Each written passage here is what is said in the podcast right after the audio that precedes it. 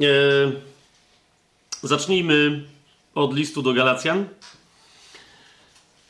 E, chodzi mi o to, że się pomodlimy, rzecz jasna na początku, ale chciałbym, żeby ta modlitwa wynikała, mm, e, żeby się dokonała w związku ze słowem z listu do Galacjan z trzeciego rozdziału od 26 do 29 wersetu. Żeby, żeby z tego słowa nasza modlitwa wyniknęła, czy, czy zrozumienie tej modlitwy, intencja tej modlitwy, inspiracja tej modlitwy i cel tej modlitwy także. W liście do Galacjan Paweł w trzecim rozdziale od 26 wersetu pisze tak. I jest to oczywiście przypomnienie e, tego, czym skończyliśmy poprzednie nasze spotkanie, e, poprzednią część naszego studium.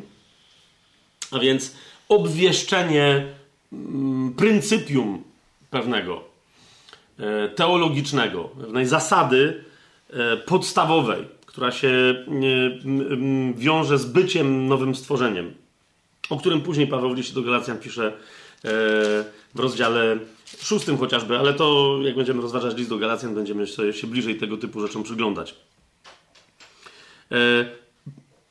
pryncypium powtórzone też w innym miejscu w, Słowie Bożym i w, innych miejscach na różne sposoby, ale w tym konkretnym liście do Galacjan jest istotne, że, że, że Paweł e, do e, rozróżnienia, że nie ma Żyda ani Greka, nie ma niewolnika ani wolnego, dokłada nie ma mężczyzny ani kobiety. Masę interpretatorów, masa interpretatorów listu do Galacjan koncentruje się e, przy okazji tego listu na temacie obrzezania i nieobrzezania. E, no i siłą rzeczy, e, w związku z tym, bardzo mocno maskulinizują to, co Paweł pisze w liście do Galacjan.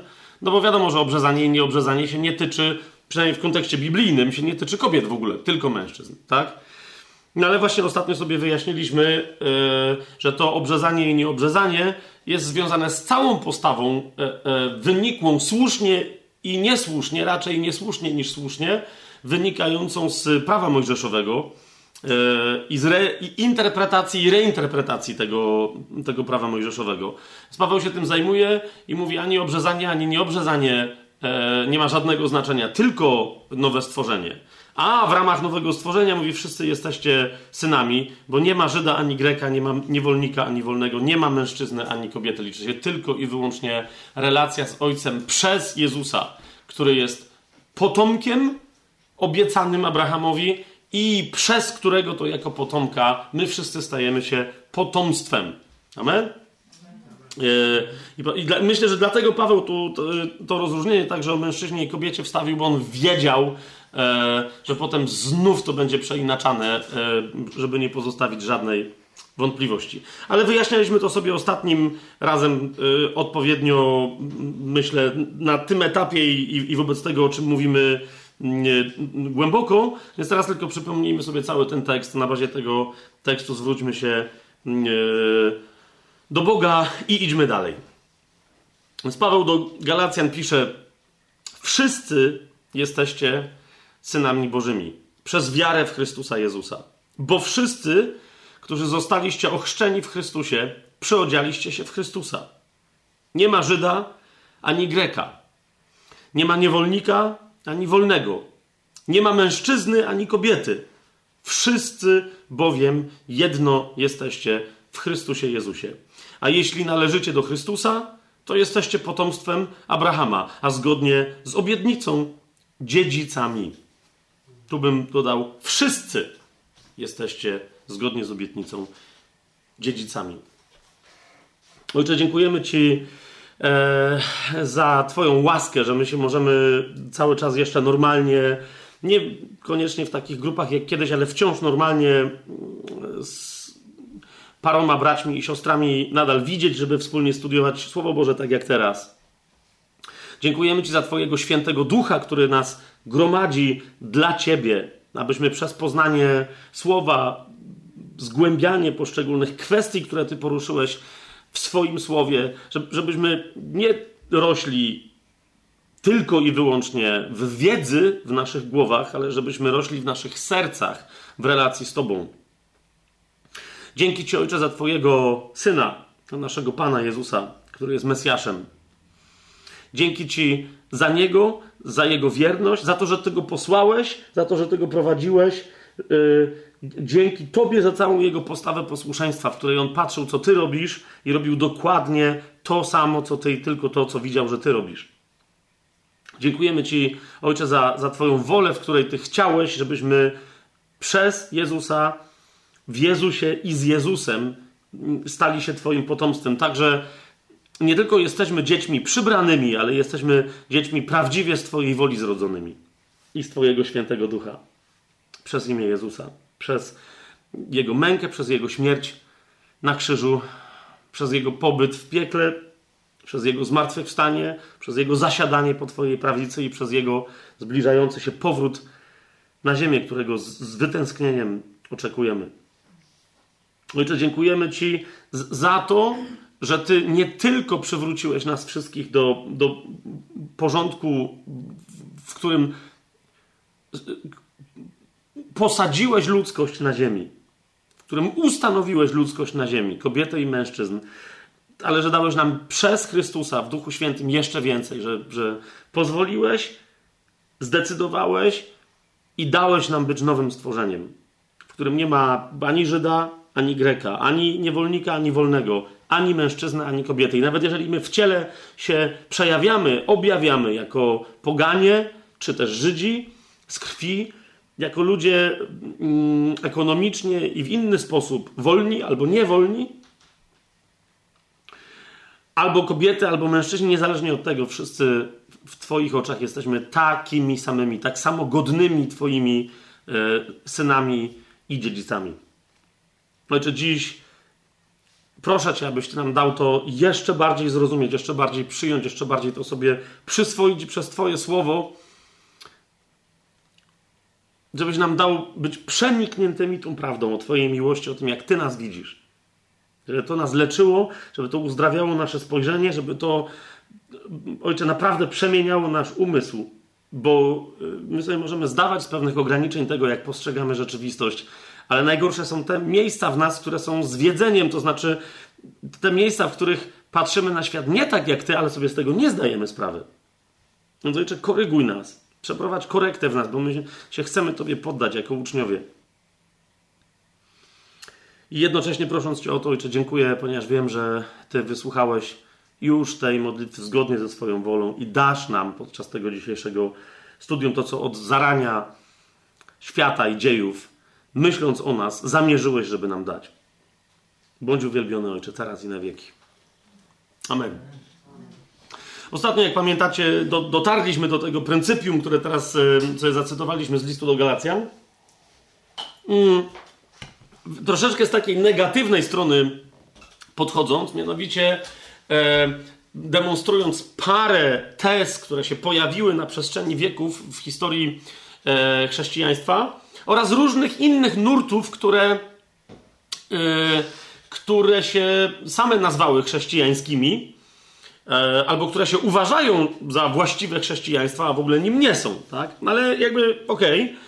E, bo niezależnie od tego wszystkiego, tego typu ruchami czy postawami w tego typu ruchach właściwi biblijni chrześcijanie także sobie pozwalali, żeby przesiąkać. Więc pokazy, zasadniczo się skupiliśmy na tym, że jeżeli by te tezy, tych sześć tez, które pamiętacie, bo tu wszyscy byli podczas ostatniego studium albo sobie odtworzyli nagranie z tego studium, zanim jeszcze się pojawiło na tajemnym planie. Więc wszyscy wiecie o jakich sześciu tezach. Jeżeli ktoś nie wie, e, bo nie wiem, słucha tego nagrania, a nie wie, że była jakaś pierwsza część do niego, to to jest dziewiąty odcinek, dziewiąty sezon tajemnego planu, pierwszy odcinek i tam żeśmy o tym mówili. Pokazałem, że jeżeli by tak postawić te tezy, które niby wyglądają na uzasadnione, niby wynikają ze Słowa Bożego, y, to de facto powodują, że wiele innych miejsc w Słowie Bożym stoi z nimi w sprzeczności, więc, więc stąd one nie, są nie do utrzymania. Yy, absolutnie nie do utrzymania. Dzisiaj bym chciał troszeczkę inną rzecz pokazać, również troszeczkę na zasadzie takiej dychotomii, takiej sprzeczności, właśnie, która, która, którą Słowo Boże pokazuje. Mianowicie, no bo niektórzy mówią, że dobrze, to trzeba te tezy, o których y, żeśmy sobie ostatnio mówili, może je trzeba złagodzić, może trzeba je dostosować, jakoś pogodzić, no ale nadal no, kobiety nie mogą funkcjonować y, w, w, w, usłudze w kościele i w, obowiązkach, prawach i tak dalej, tak samo jak mężczyźni. No nie, nie. Więc jakoś możemy na jakieś kompromisy pójść, ale no, no, nie, cały czas musimy pamiętać, że Słowo Boże stawia kobietę pod znakiem zapytania, ona musi być podejrzana. Nie, my, my nie możemy, możemy, no kultura nas trochę naciska, feministki powstają, e, jest to niepopularne w świecie, więc troszeczkę po, potrzebujemy zmienić PR, ale my mentalnie nie możemy, no bo mentalnie Słowo Boże gdzieś czujemy, że oskarża kobiety cały czas. Nie? Więc oni się nie mogą za dobrze czuć w społeczności, w kościele, w służbie, zapewnie, nie mogą zapewnie otwierać ust, kiedy chcą do kościoła powiedzieć i tak dalej.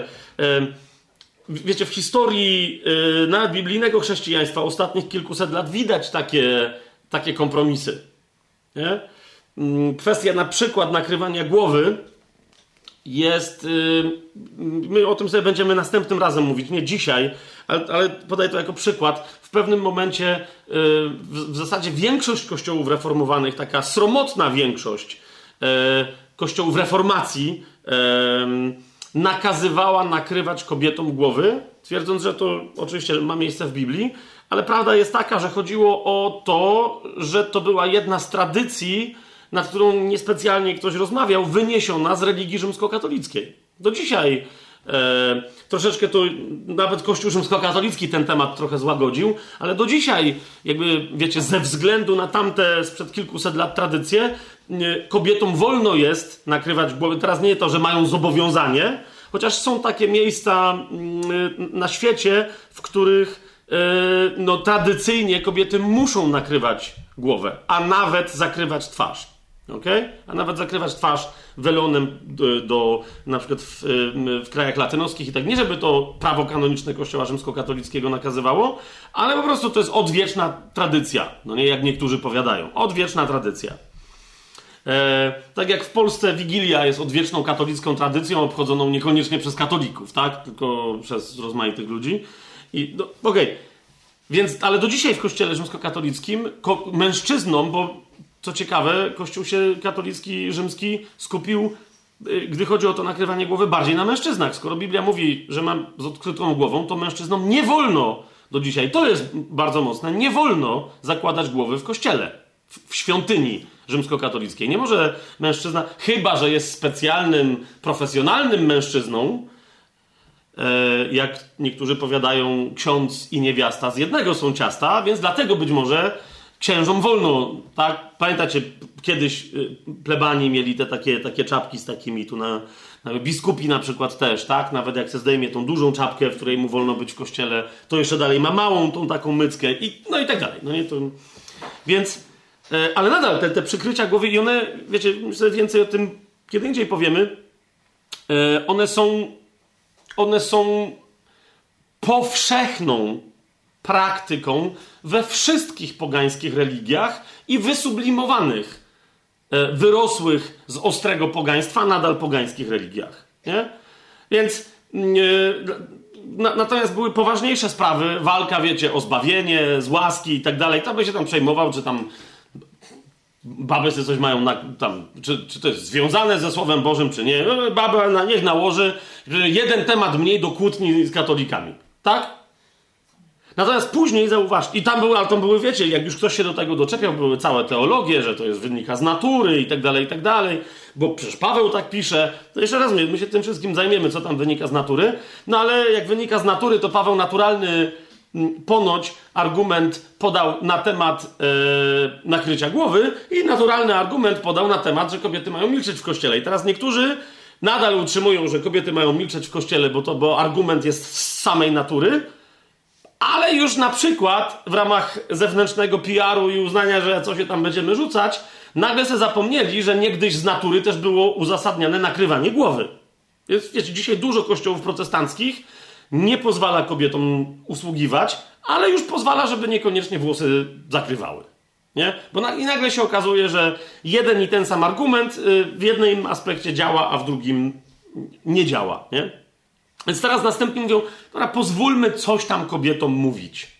Nie? Idźmy na następny kompromis. O to, o to mi chodzi. No i to takie na zasadzie, yy, no i teraz siostra jakaś teraz, teraz wam coś powie, no nie?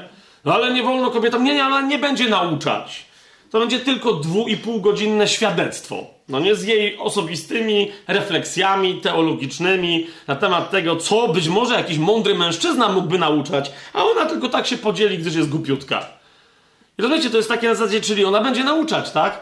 No, no tak, ale żeby się. Być, no rozumiecie o co mi idzie, tak? Czyli de facto dopuszczamy, ale nadal mamy, no nie, ale nie wolno.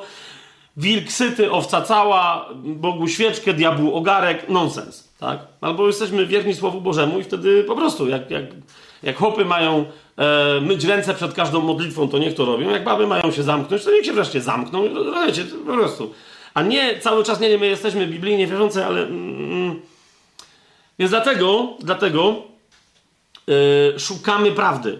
Jeszcze raz, jak dojdziemy do interpretacji pewnych fragmentów, niektórzy yy, z rozmaitych stron i koncepcji mogą być zdziwieni, co ja to gadam, ale jeszcze raz, potrzebujemy prześledzić całą myśl, bo nie tylko moim zadaniem jest tu siedzieć i wam przekazać, co myślę ja, bo jestem nieprawdopodobnym autorytetem i po prostu ja wam wyjaśnię, co jest w Biblii napisane, ale żebyśmy się wszyscy razem cały czas uczyli, jak ktoś może dojść do wniosku, że w Biblii coś jest napisane. Tak? Żebyśmy się uczyli metody, żebyśmy się uczyli zasad egzegezy, tak? zasad hermeneutyki. I nawet jeżeli ktoś z Was teraz się pyta, dobra, co to jest egzegeza i co to jest hermeneutyka, nieważne, jak się nauczysz robić to, co ja teraz robię, to będziesz znać zasady egzegezy i hermeneutyki. Nie? E, nawet jak nie będziesz wiedzieć, że to się nazywa egzegezą i hermeneutyką.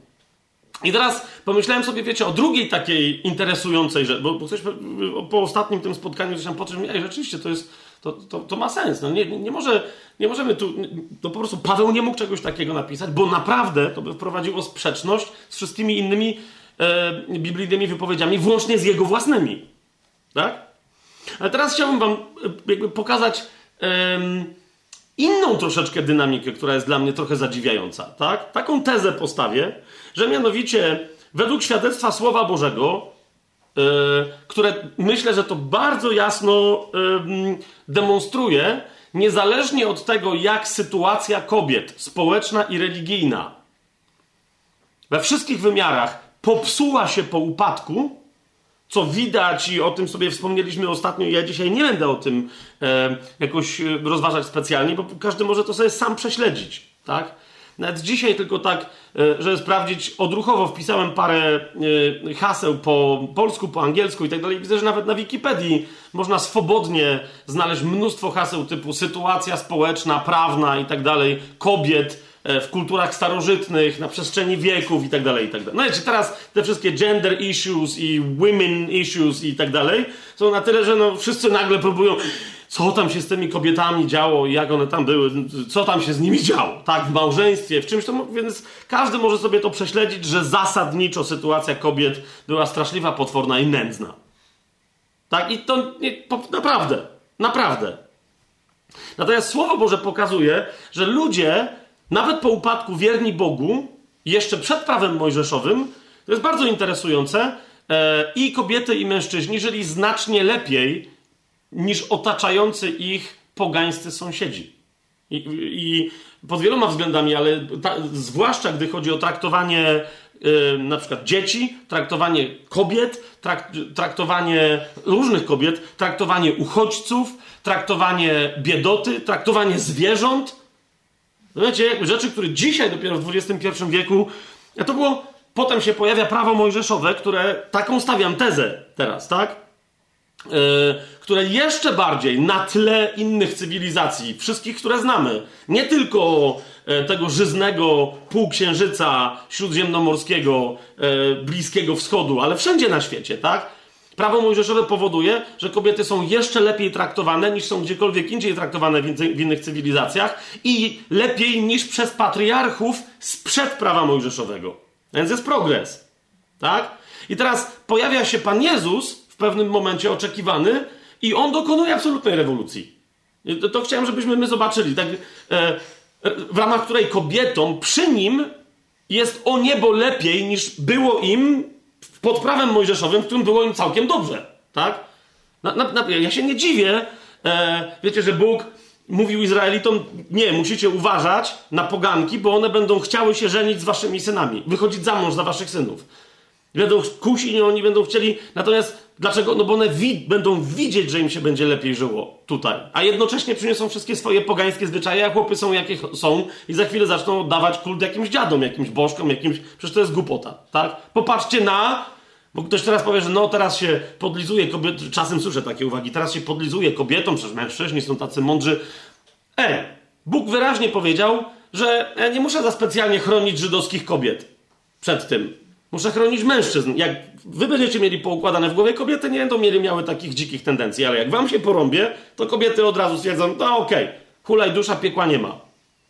I rozumiecie, najmądrzejszy człowiek Starego Testamentu, Król Salomon. Jak skończył? No dokładnie w taki sposób, mimo że prawo też mówiło o tym, że król nie powinien mnożyć żon, to już to pomijam, tak? Ale na pewno nie pogańskich. Salomon uznał, że on jest taki mądry, a Słowo Boże mówi, że był taki mądry, tak? Poprosił o mądrość i Pan mu powiedział, proszę bardzo, mądrość, tak? Więc był. I tak popełnił jeden prosty błąd, zaprosił do swojego życia poganki i one szybciutko go namówiły, jedna z drugą, trzecia z czwartą, żeby do nich się raz, drugi przyłączył i tak dalej, w momencie, kiedy one będą czcić jakieś tam aszery i innych balów, nie? Więc miał rację. Nie, dla, dlatego niektórzy mówią, czemu oni tam się nie mieli? To była prosta rzecz. Po prostu przyjdą kobiety z zewnątrz, namówią was, ciołki, do tego, żebyście wy czcili ich tam bóstwa. Nie, nawet nie dlatego, że wy w nie wierzycie, tylko dlatego, że po prostu mężczyzna uwielbia sprawiać przyjemność kobiecie. Tak jest stworzony. Więc choćby ty, ja, ja rozumiecie, tam Słowo Boże nie mówi, że, że Salomon uwierzył w te bożki, ale Pan nie powiedział, wierzysz czy nie. Po prostu tego nie rób. To jest wszystko. Więc, yy, o, ale okej, okay. Okej, okay, więc będę teraz dygresję. Więc przyszedł Pan Jezus, rewolucja, tak? I tym kobietom przy Panu Jezusie, e, wobec tego, co On głosił, wobec, wraz z Jego nauczaniem, miało się stać jeszcze lepiej. Potem mamy E, to jest dalsza część rewolucji Jezusowej, rzecz jasna. Mamy chrześcijaństwo, kościół pierwotny, w którym, śmiem twierdzić, kobietom jak do tej pory, e, w sensie wszechświata religijnego, politycznego i społecznego było najlepiej na świecie i najlepiej w historii.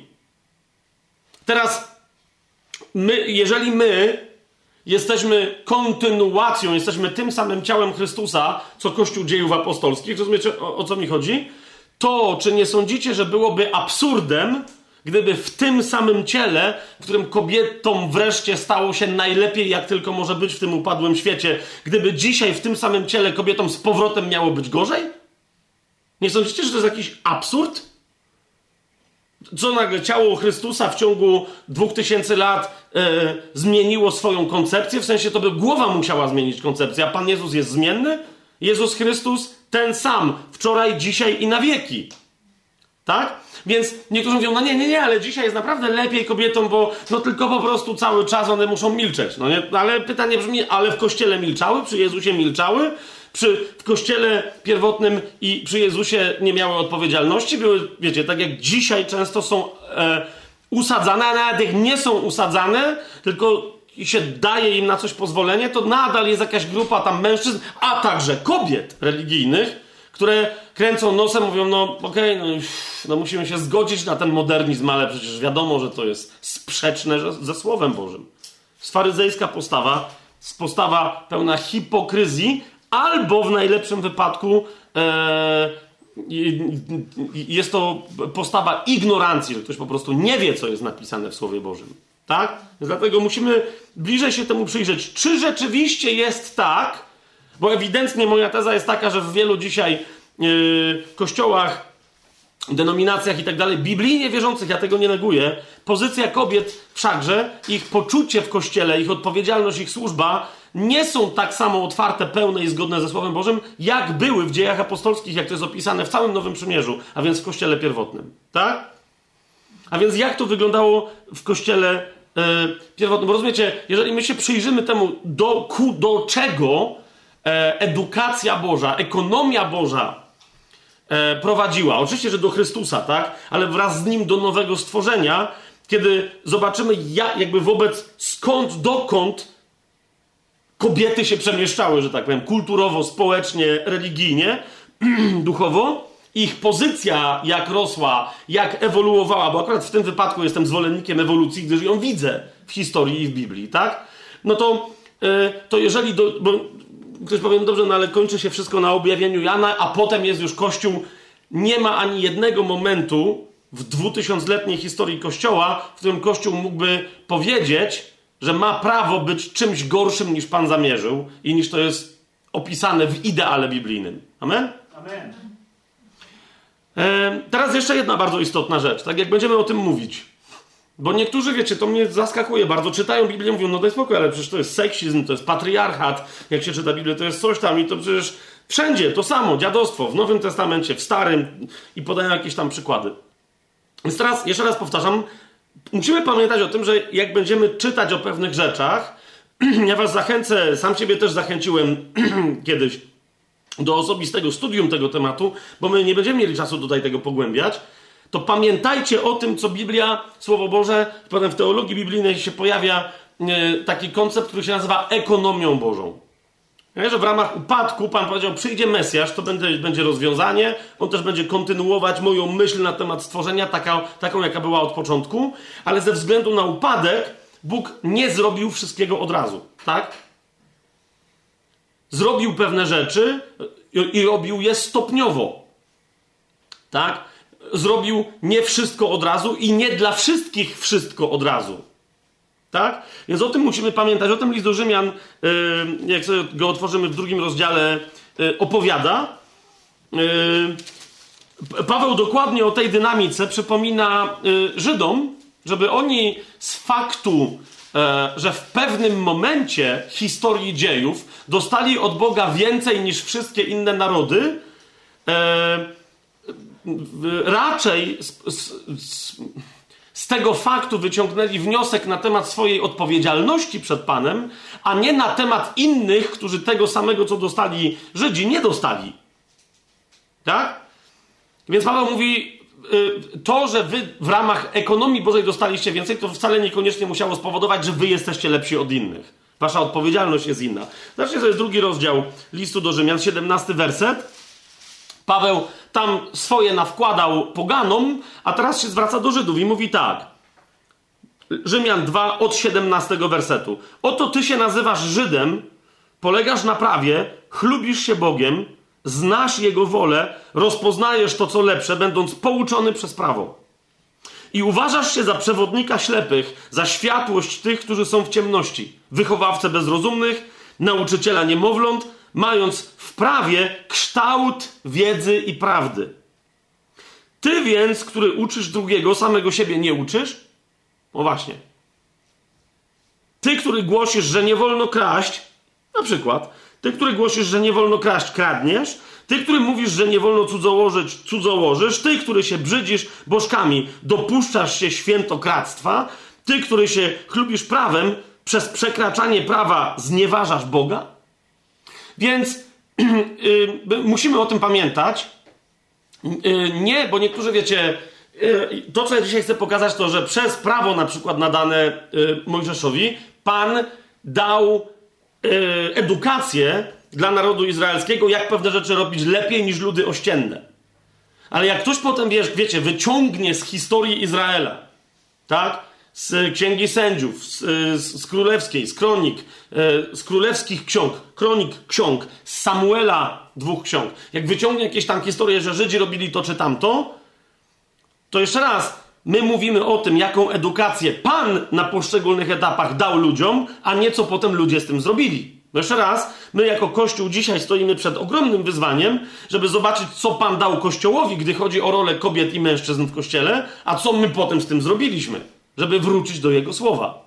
Więc nas nie interesuje, e, co jakiś Żyd zrobił z jakąś swoją córką, którą nie dość, że zgwałcili, to potem ją pocięli, rozesłali gdzieś tam. Rozumiecie? Bo prawo niczego takiego nie nakazywało.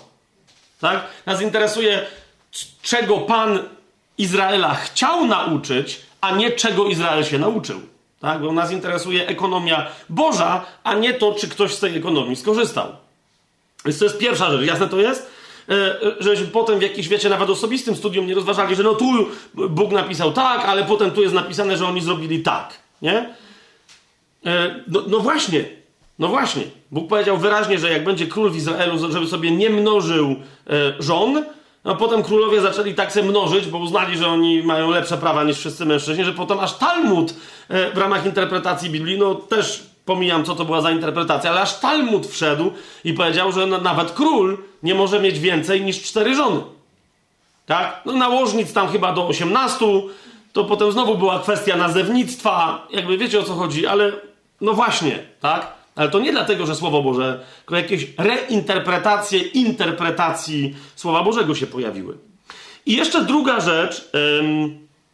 No ale w każdym razie, tak, jeszcze jakby ktoś o, y, a propos tej, w liście do Galacjan, jak wrócimy do tego listu, y, chociażby do tego cytatu, o którym y, mówiliśmy, zauważcie, że ten cytat o, o, o tym, że nie ma Żyda ani Greka, nie ma mężczyzny ani kobiety, nie ma niewolnika ani, niewolnego, ani wolnego, w liście do Galacjan w trzecim rozdziale, w 28 wersecie, czyli, czyli Paweł mówi, dotarliśmy wreszcie do pełni, w duchu. Dotarliśmy wreszcie do pełni. Ale sam Paweł mówi, ale zobaczcie, jaką drogą żeśmy tam dotarli. Tak? Czyli w tym samym trzecim rozdziale, w dziewiętnastym y, wersecie, no bo dlatego ja powiedziałem, tak, mamy upadek, potem mamy ogólnie okres przed prawem mojżeszowym, potem się pojawiło prawo mojżeszowe jako wykwit pewnej kultury i, i cywilizacji Słowa Bożego, a potem mamy Pana Jezusa i Kościół, tak? Teraz w dziewiętnastym y, wersecie, a propos tego przełomu, którym było prawo mojżeszowe, Paweł pisze tak. To jest trzeci rozdział listu do Galacjan, dziewiętnasty werset. Po co więc prawo zostało dane z powodu przestępstw aż do przyjścia potomka? On wyraźnie mówi, że to jest pewna cezura, prawo. Wcześniej był upadek ludzkości, przestępstwa, psucie się tej ludzkości. Okej, okay, ale znowu następną cezurą historyczną, nie cenzurą, tylko cezurą historyczną będzie potomek, czyli Mesjasz. Tak? Po co więc prawo zostało dane z powodu przestępstw, aż do przyjścia potomka, któremu złożono obietnice, ustanowione przez aniołów ręką, yy, ręką pośrednika. I yy, w 24 wersecie dalej Paweł ściśle do tego procesu edukacyjnego się odwołuje, mówiąc tak więc prawo było naszym pedagogiem do Chrystusa, abyśmy z wiary byli usprawiedliwieni. Lecz gdy przyszła wiara, już nie jesteśmy pod pedagogiem.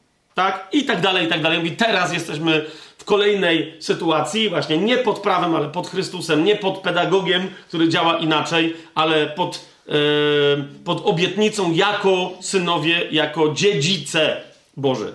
Tak? I teraz, jak już o tym wszystkim powiedziałem, to jeszcze, kochani, myślę, że jest bardzo istotną rzeczą, żebyśmy, bo jak ktoś uważnie czyta Biblię, to tego błędu nie popełni, ale no, wielu z nas czyta Biblię, a potem słucha różnych rzeczy, czyta inne książki i tak dalej, i tak dalej. I czasem sobie pozwalamy na to, żeby mm, na coś, co po pewnym sławnym filmie zostało nazwane incepcją. Czyli, że są jakieś koncepcje, które, wiecie, są zaszczepione w nas, my przyjmujemy je nie, niekoniecznie śpiąc, tak, ale nieświadomie zupełnie. I po jakimś czasie nam się wydaje, że no cóż, oczywiście, tak? W kulturze mnóstwo tego typu incepcji funkcjonuje, tak? Ja pamiętam, że kiedyś rozważając biblijnie sprawę yy, zboża wszelkiego rodzaju w Biblii, nie mogłem paru kwestii zrozumieć i dopiero po, po iluś tam, yy, yy, nie pamiętam w ogóle, co się tam wtedy wydarzyło, ale po iluś tam latach rozważań, teraz ja też nie będę mówić, o co mi tam chodziło z tym zbożem, bo ja czasem jestem dziwny, tak? Ale ale nagle do mnie dotarło, kiedy ogląd- y, ktoś mi przysłał właśnie jakiś tam dokument, mówi, może to cię zainteresuje. I tam krótki fragment y, o przeinaczeniach. Ja w ogóle nie chciałem na to patrzeć, bo myślałem, że tam będą jakieś wpadki filmowe. O przeinaczeniach historycznych w filmie Gladiator. Mówię, dobra, nie interesuje mnie, to pewnie pokażą, że jakiś rydwan jechał, a z tyłu, z tyłu miał butlę z gazem. Jakby co mnie to interesuje, nie? Ale mówi, dobra, zobacz tam. I nagle y, oglądam y, fragmencik, w którym jest powiedziane, y, nawet nie powiedziane, ale tam była pokazana cała animacja. Nie wiem, czy pamiętacie taką scenę, w której, nie wiem, już teraz nie wiem, czy chyba raz sam ten tytułowy gladiator, a innym razem jego żona i tak dalej, że oni często chodzą w zbożu. Nie? I jest takie, wiecie, jest taka filmowa w ogóle rzecz, tak, że oni idą i dłońmi na poziomie tak powiedzmy niekoniecznie pasa, ale tak pod pachami, tak? Idą i tak sobie ciągną po tym zbożu i tak sobie, wiecie, tak płyną i tak, mm, nie? A, a tam ktoś mówi, no ale prawda historyczna jest taka, że jakby ta pani, czy ten pan, czy ktokolwiek inny szedł w zbożu, to by go w ogóle nie było widać, tak jak dzisiaj kogoś w kukurydzy. Ponieważ zboże typu tamtejsza, wtedy ówczesna pszenica, orki, żyto i tak dalej, i tak dalej, były wyższe od człowieka. Tak? To potem rozmaite modyfikacje tak spowodowało, że zboże dzisiaj wygląda tak, jak wygląda. Dla mnie parę rzeczy mi się wyjaśniło w Biblii. Mówię, aha, dlatego, dlatego, tak? Dlatego na przykład, jak jest mowa o żęciu, to żeńcy w Biblii w paru momentach wyraźnie widać, że się nie pochylają. I to mnie, bo to był jeden z momentów, rozumiecie, to już wiecie dlaczego, tak, co ja rozważałem, to były kwestie ostateczne, ale jak chcesz rozważyć kwestie ostateczne, gdzie ktoś zapuszcza sierp, czy jest ostateczne żniwo, to się trzeba odnieść do pewnych żniw na początku w Biblii opisanych, tak? A tam widać, że ci ludzie się nie pochylali. Dlaczego? No dlatego, że to, po co się mieli pochylać, tak? Obejmowali całe, e, całe naręcze takiego zboża. Chcieli, to rozumiecie, cała praktyka rzęcia zboża wtedy w starożytności wyglądała inaczej niż my to dzisiaj widzimy, tak? A więc to był klasyczny błąd e, archaizmu, e, logiczny błąd archaiz, archaizmu tak zwany, czyli, czyli że dzisiejszą sytuację przypisujesz do starożytności. Jest to jasne, co mówię? I teraz, i teraz, żebyśmy my dobrze zrozumieli także ekonomię Bożą, potrzebujemy sobie uświadomić, jak wiele mamy incepcji na temat sytuacji starożytnej w ogóle ludzkości. Tak? W tym sytuacji kobiet, nie tylko kobiet, dzieci itd., tak itd., tak żebyśmy jakby popatrzyli, kiedy coś było okrucieństwem, kiedy, a kiedy coś było sprawiedliwością, kiedy coś było. Wiecie, jest taka e, jedna z takich tez. E, dzisiaj teologia widzę, że się próbuje, właśnie bo przeniknęła taką incepcją, próbuje się przed tym bronić, że no problem całej starożytności polega na tym, E, tylko że chrześcijanie dokładają, to jest wina upadku, to jest wina grzechu człowieka, że mężczyźni stali się patriarchami. No mamy patriarchów, tak, tak ich nazywamy w różnych tych ojców wiary w Biblii i tak dalej. I stąd feministki zwłaszcza zaczęły krzyczeć, to był patriarchat. Niesprawiedliwe rządy mężczyzn, którzy coś sobie wymyślili, zgnębili kobiety i coś im tam robili tym kobietom i jakby to I teraz my to musimy zmienić, bo mężczyźni są źli. To wszystko wyszło z, z, z męskiego zła. Tak? Jest to dla mnie o tyle dziwne, że upadkowi tak samo podległ mężczyzna, jak i kobieta. Tak? Upadł człowiek i z tym pierwszym człowiekiem upadła cała ludzkość, a nie nagle mężczyzna upadł, a kobieta była tego ofiarą. Podobnie jak my wiemy, że nie kobieta upadła i mężczyzna był tego ofiarą. Ludzkość jest ofiarą grzechu przez grzech pierwszych ludzi. Mamy z tym, z tym zgodę? No więc pytanie brzmi, no to, ale to dobra, ale teraz jest pytanie, co ja teraz się będę do feministek odnosił i do teorii patriarchatu i tak dalej, i tak dalej. Otóż, kochani, jest taki człowiek niewierzący jeszcze, ale modlę się y, za niego cały czas y, i was do tego też zachęcam, y, ponieważ jak kiedyś Pan Jezus spotkał jednego uczonego w piśmie i mu powiedział, niedaleki jesteś od Królestwa Bożego, to nie znam zbyt wielu ludzi, o których bym powiedział, spotkawszy ich prosto im w oczy, którym bym powiedział, niedalecy jesteście od Królestwa Bożego, ale ten człowiek jest niedaleki od Królestwa. Yy, znajduje go bardzo uczciwym intelektualnie, także no, nawet swoją karierę naukową, duże pieniądze, yy, prestiż, swoje dobre imię i tak dalej, myślę, że ze względu na swoją uczciwość intelektualną i akademicką postawił yy, po to, żeby pewne rzeczy powiedzieć, że no niestety, jako naukowiec musi powiedzieć, że sprawy się mają tak, a nie inaczej. To jest psycholog, nazywa się Jordan y, B. Peterson. Tak tu jego nazwisko wygląda. Jordan B. Peterson, profesor, wykładowca psychologii y, w 90 latach na Harvardzie, teraz na Uniwersytecie Toronto. Znaczy, mam nadzieję, że, bo to są ostatnie wiadomości, które mam, bo, bo coś ostatnio chorował, więc nie wiem, co tam się dzieje. Ale myślę, że dalej jest tym y, profesorem psychologii, wykładowcą na y, Uniwersytecie e.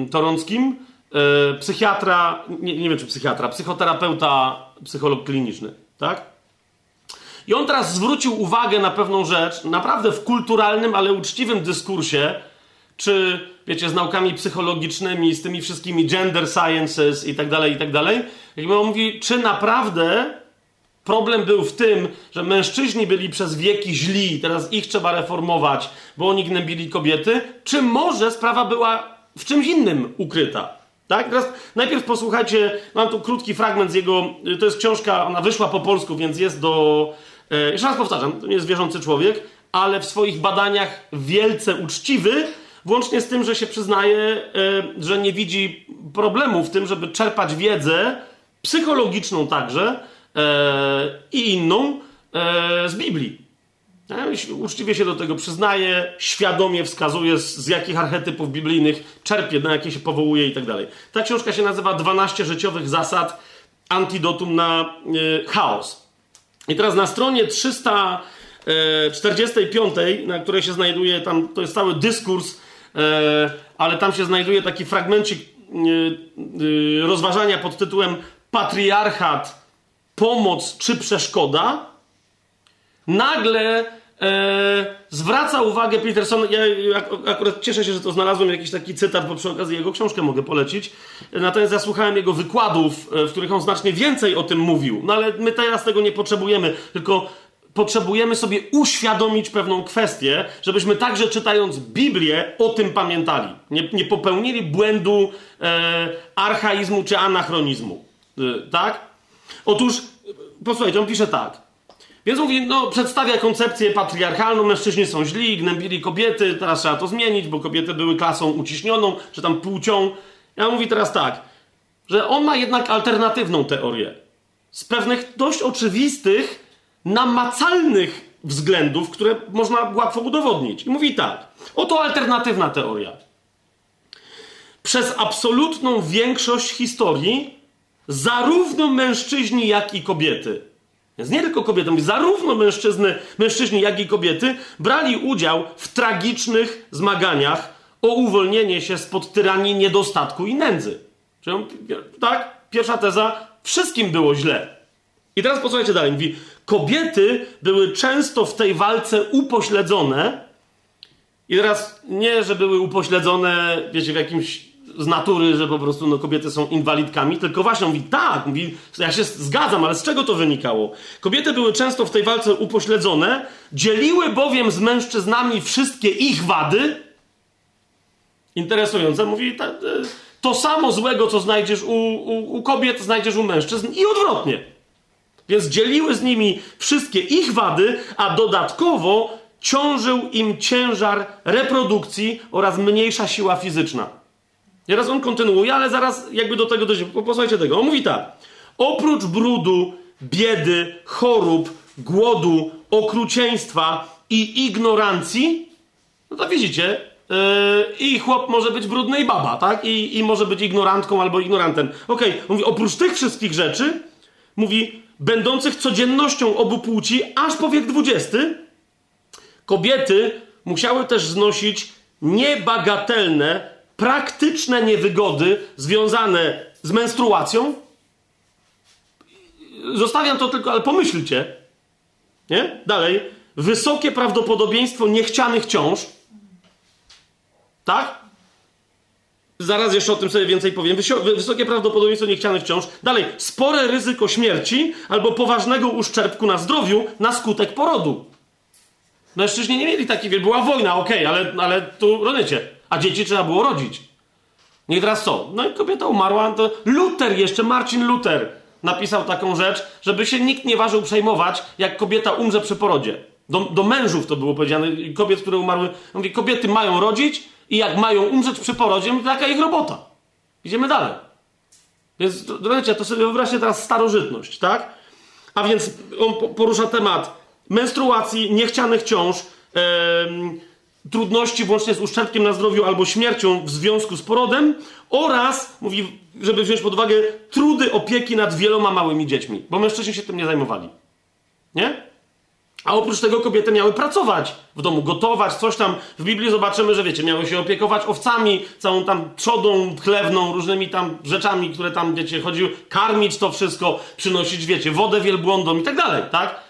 Jasne, że kobiety wtedy szybko goniły do roboty dzieci, te dzieci raczej były porządnie wychowane, ale chodzi o to, że nadal te kobiety musiały to robić, nie? Jak ojciec przyszedł, no to mógł to najwyżej takie nieposłuszne dziecko zabić. Zresztą Biblia, e, między innymi to prawo, e, jak zabijać nieposłuszne dzieci, autentycznie, reguluje. Nie? Reguluje, że nie może tego zrobić sam ojciec, nie może tego zrobić sama matka. Mogą to zrobić razem pod warunkiem, że sprawę oddadzą pod osąd całej społeczności lokalnej w tak zwanej bramie miasta. Nie? Prawo mojżeszowe wreszcie to, to sobie wyobrażacie, co bez prawa mojżeszowego było, tak? Ja tego tematu w ogóle nie będę poruszał, ale to rozumiecie o co chodzi, tak? Jak się matka wściekła na dziecko, mówi, wrócił ojciec z wojny i mówi, że ten gnój, okej, okay, robimy za następnego. Tyle. I teraz dalej Jordan Peterson kontynuuje, czyli mówi kobiety no, z, tych powodów, tak, związanych yy, z dziećmi zasadniczo, miały gorzej. Mężczyźni tego nie mieli, co przeżywały kobiety. I teraz mówi tak, być może to ta asymetria była powodem różnego statusu prawnego i społecznego kobiet oraz mężczyzn, który charakteryzował większość zbiorowości ludzkich sprzed współczesnych rewolucji technologicznych, w tym sprzed wynalezienia pigułki antykoncepcyjnej. Zalecałbym, mówi yy, Peterson, przynajmniej rozważyć taką wersję wydarzeń, zanim założenie o tyranii narzuconej kobietom przez mężczyzn zaakceptuje się jako truizm. Nie? Czyli, czyli on mówi, yy, no wyobraź sobie kobietę, dlaczego kobiety nie szły na wojnę? Bo co, bo nie mogły walczyć czy coś? No ale rozumiesz, jak wtedy, nie wiem, chłopy na jakąś tam wojnę szli 4 miesiące, a jak, jakie miały rozwiązanie kobiety w trakcie menstruacji? Znaczy, ja nie wiem, jakie miały. Ja wiem, co się działo w XX wieku. Między innymi Jordan Peterson podaje, tutaj już nie będę tego czytał, ale podaje y, historię y, jakiegoś Hindusa, który nawet nie skończył, skończył chyba podstawówkę tylko jakąś tam y, w Indiach. E, nazywa się nie chcę, jak ktoś zna lepiej ten język, nie wiem o co chodzi, więc jak przekręcę, jak on się nazywa, to przepraszam z góry, tak? Nie jest to moją intencją, ale rozumiecie, jest to historia Aruna Chalama Muruganantama. Okej. Okay. Który został tam w rozmaitych periodykach i tam opracowaniach i tak dalej, między innymi w Time w 2014 roku został uznany jednym ze stu najbardziej wpływowych ludzi XX wieku. Dlaczego? Ponieważ pomimo, że firma Tampax stworzyła oprócz y, podpasek yy, niezbyt skutecznych pod wieloma względami. W 30 latach XX wieku dopiero tampony, to one na przykład w Indiach były bardzo drogie. Tak? Jak on zapytał swoją żonę i córki, mówi, dlaczego wy nie możecie pracować, coś tam robić, się przemieszczać? Czemu musicie tak e, funkcjonować jakoś dziwnie, e, czasem parę dni w, w, miesiącu? Nie możecie sobie po prostu kupić tych tamponów, bo to słyszałem, że jest takie rozwiązanie. One powiedziały, że okej, okay, możemy sobie kupić, ale wtedy zapomnij o mleku dla młodszych dzieci. I nagle mówię, jak to, to jest takie drogie? No właśnie, nie? Wiecie, żyjemy w, w naprawdę czasach niebywałego dobrobytu, także dla kobiet.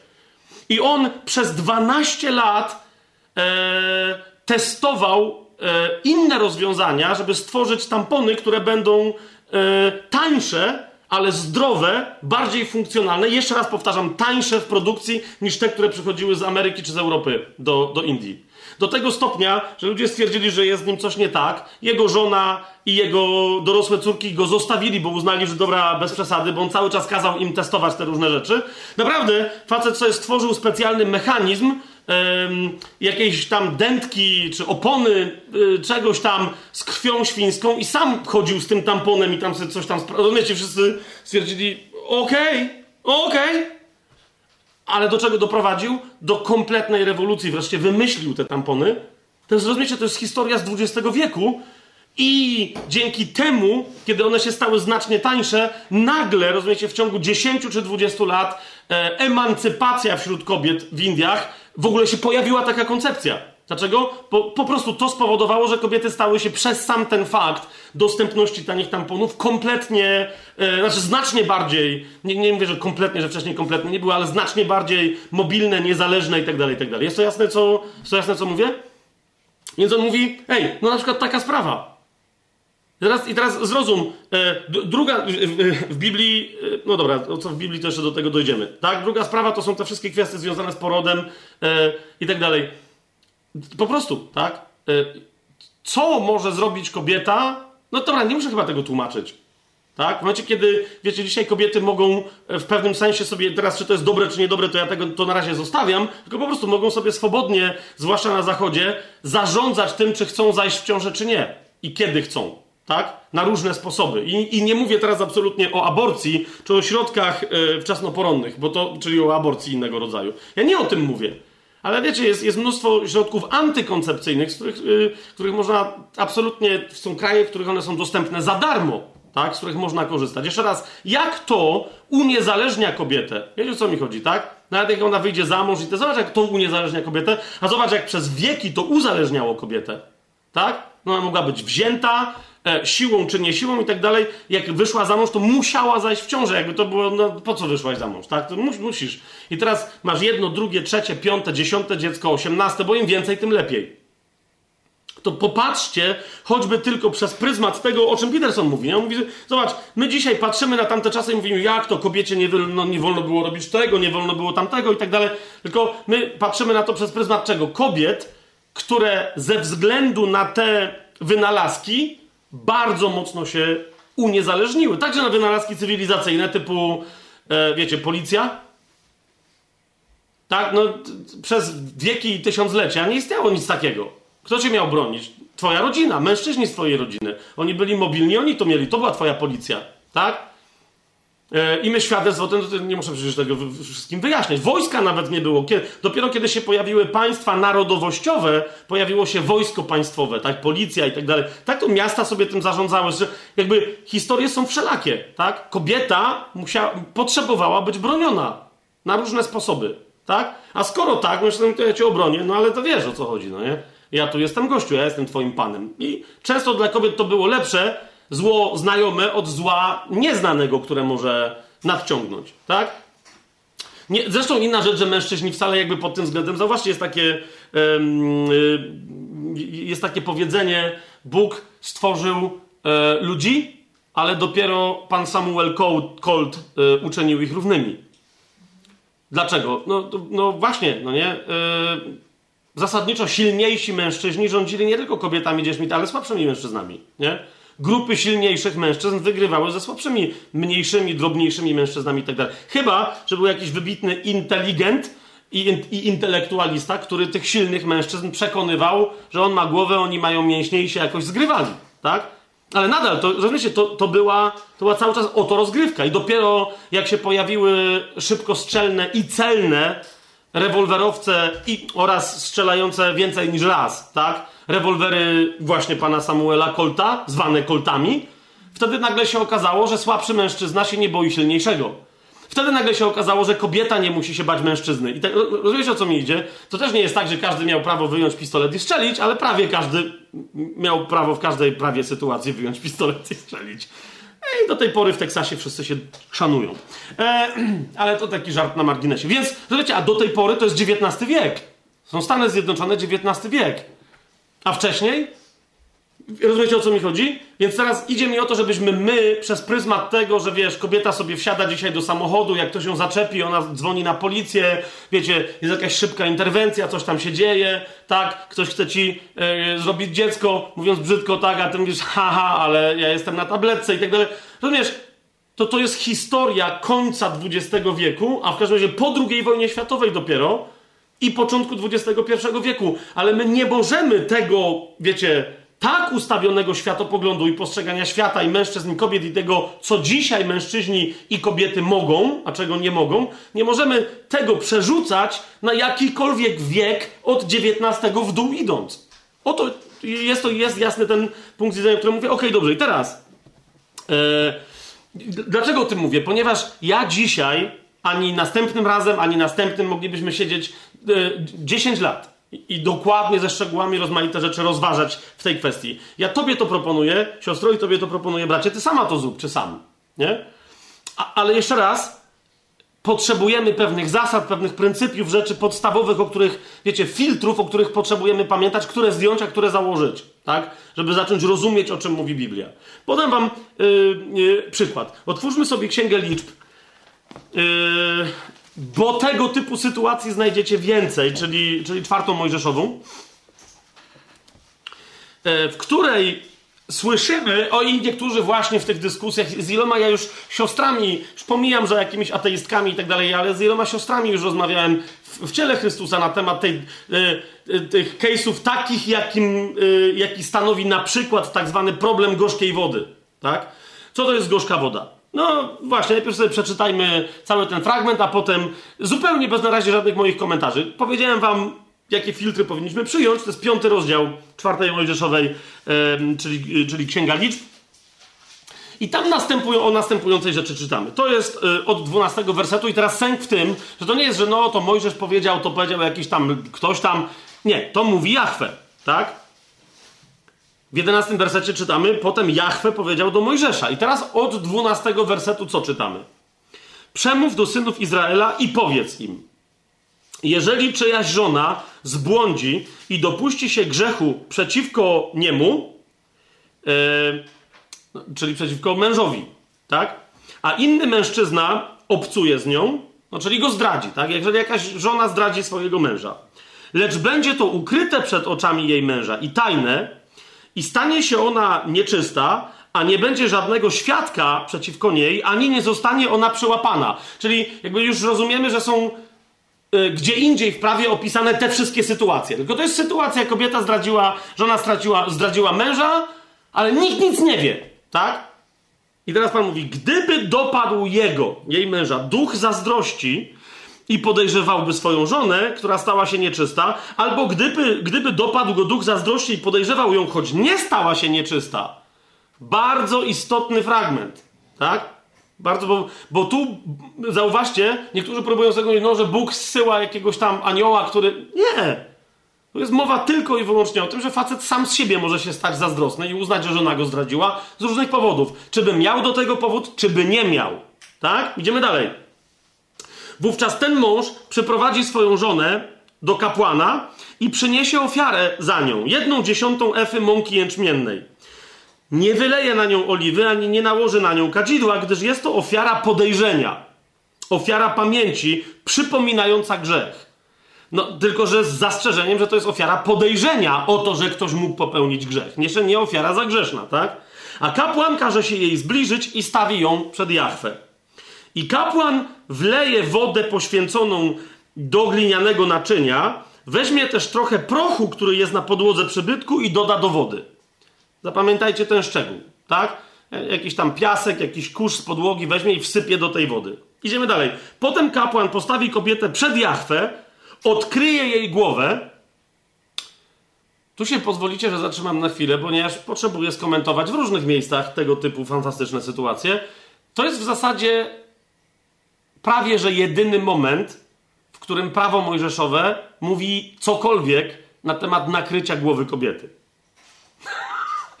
lub dodam jeszcze tak bardziej na marginesie, lub niekoniecznie nakrycia na głowie, tylko nakrycia gdziekolwiek głowy. O, do tego jeszcze wrócimy, yy, ale nie wiem, czy kiedykolwiek, zwłaszcza tu siostry obecne się zastanawiały nad tym, a jak się nawet zastanawiały, to bracia już na pewno nie. Yy, jak miało wyglądać cokolwiek, co by kobieta miała kiedykolwiek nakładać na głowę? Nie? I zasadniczo tylko zwrócę uwagę na to, że jeżeli gdzieś Biblia o tym mówi, włącznie z językiem greckim, gdzie jest powiedziane, że kobieta powinna mieć zakrytą głowę, to to oznacza welon na twarzy raczej niż czapkę.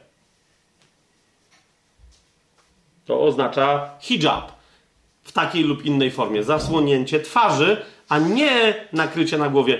Często, żeby zasłonić twarz, kobieta sobie narzucała, wiecie, chustę na głowę po to, żeby mieć welon i nie chodziło koniecznie o głowę. Jasne, czasem chodziło o to, żeby zakryć twarz i zakryć włosy, ale gdybyście studiowali temat nakrycia głowy przez kobiety, to zawsze uważajcie, czy chodzi o nakrycie, które ma spowodować zakrycie włosów, czy chodzi o nakrycie, które ma spowodować zakrycie twarzy. Tak? bo to są różne tematy w Biblii. Nie zmienia to jednak faktu, że prawo mojżeszowe nawet w tym miejscu tylko sugeruje, że kapłanowi wolno jest odsłonić głowę kobiety, ale my nie bardzo wiemy, po co ona przyszła tam zasłonięta, tak? Bo ja nigdzie w prawie mojżeszowym nie znalazłem w ogóle rzeczy z tym związanych, nie? Gdyby ktoś wiecie, twierdził, że to jest kontynuacja jakichś żydowskich, mojżeszowych zwyczajów. Ale więc, więc kapłan, 18 werset, yy, Księga Liczb, 5 rozdział, 18 werset. Więc kapłan postawi kobietę przed Jachwę, odkryje jej głowę i położy na jej rękach ofiarę pamięci, czyli ofiarę podejrzenia. Kapłan zaś będzie miał w ręku wodę gorzką, niosącą przekleństwa. No i teraz jest następny krok. Trochę tortury. No właśnie, psychiczne. Kapłan zaprzysięgnie kobietę i powie do kobiety, jeśli nie położył się z tobą inny mężczyzna i jeśli nie dopuściłaś się grzechu nieczystości wobec swojego męża, to bądź nietknięta przez tę wodę gorzką niosącą przekleństwa. Jeśli jednak byłaś niewierna swojemu mężowi i stałaś się nieczysta, ponieważ oprócz twojego męża obcował z tobą inny mężczyzna, wtedy kapłan zaprzysięgnie tę kobietę przysięgą przekleństwa i powie do niej, czyli ona będzie musiała, wiecie, przysiąc na te wszystkie przekleństwa, żeby na nią spadły, które w tej przysiędze były zawarte. I powie do niej, niech Jachwę uczyni ciebie przekleństwem i klątwą wśród twojego ludu, gdy Jachwę sprawi, że twoje biodro zwiotczeje i twoje łono spuchnie.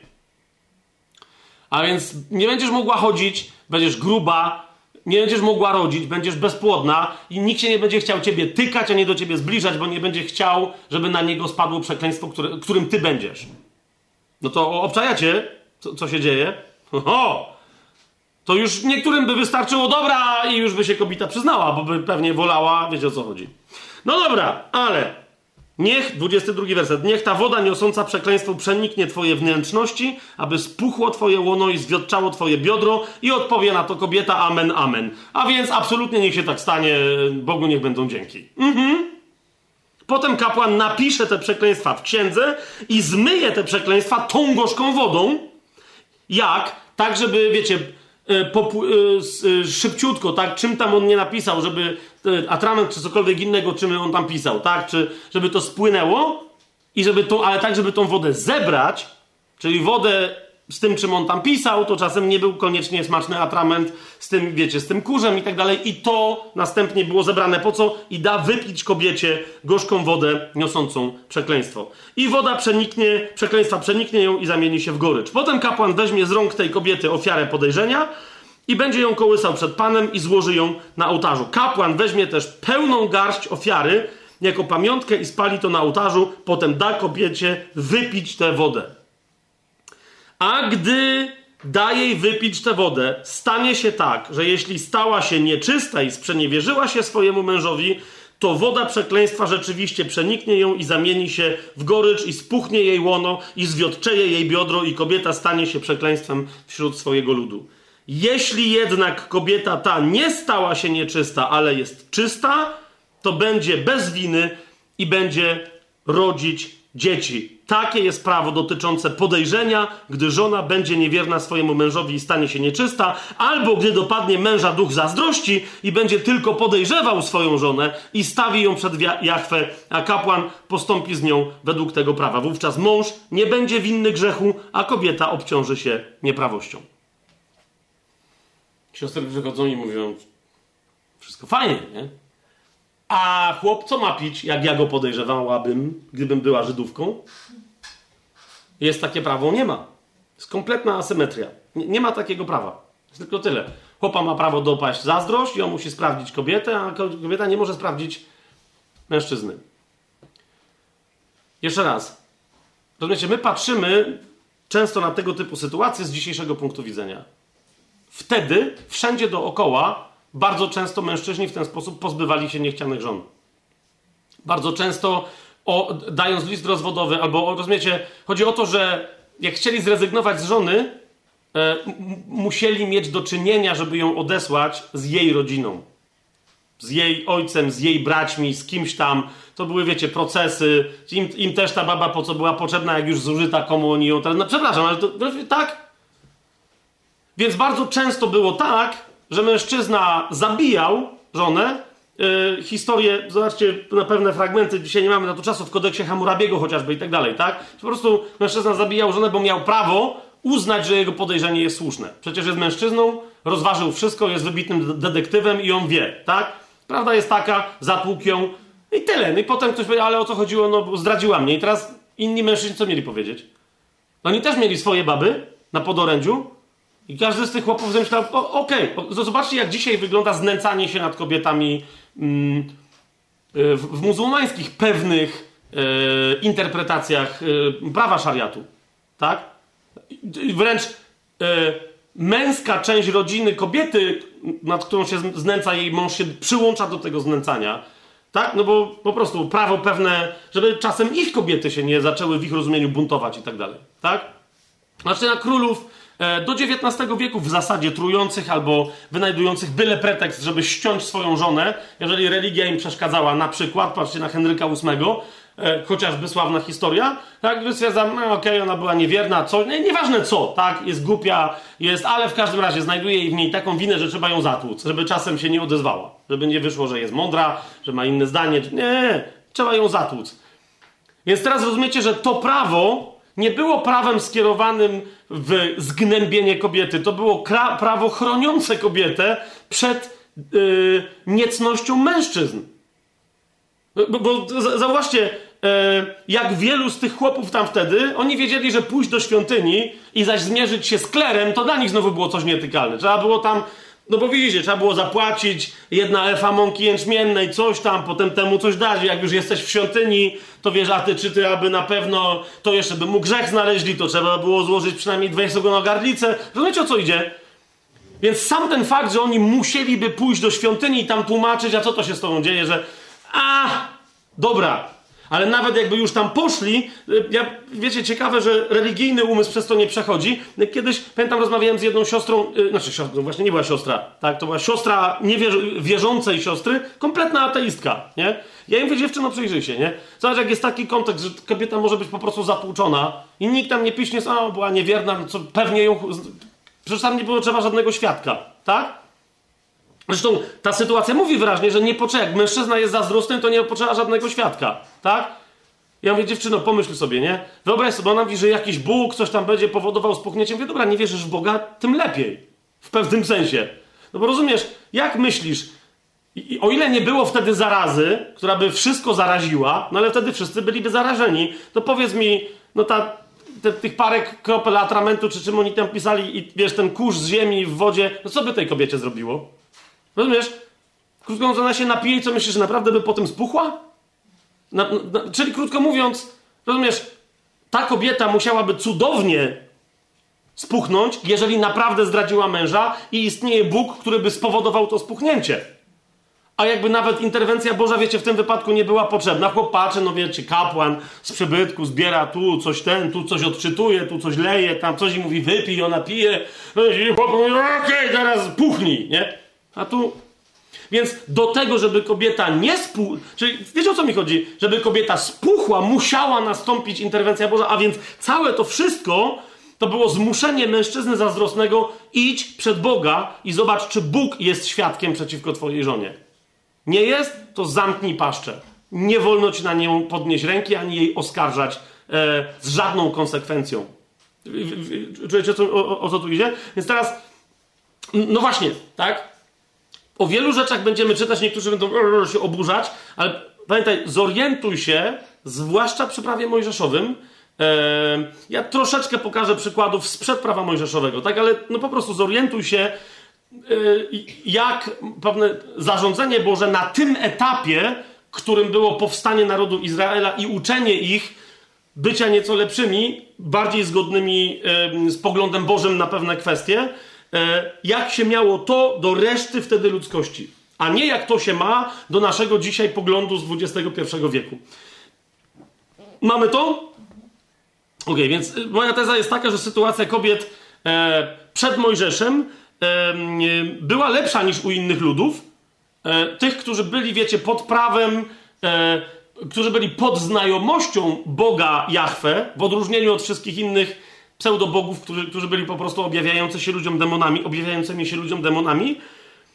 E, ale następnie pod Mojżeszem, pod prawem mojżeszowym, wbrew pozorom sytuacja kobiet była jeszcze lepsza niż sytuacja tych kobiet, które były żonami, córkami, matkami e, i znajomymi i koleżankami patriarchów sprzed Mojżesza. Tak?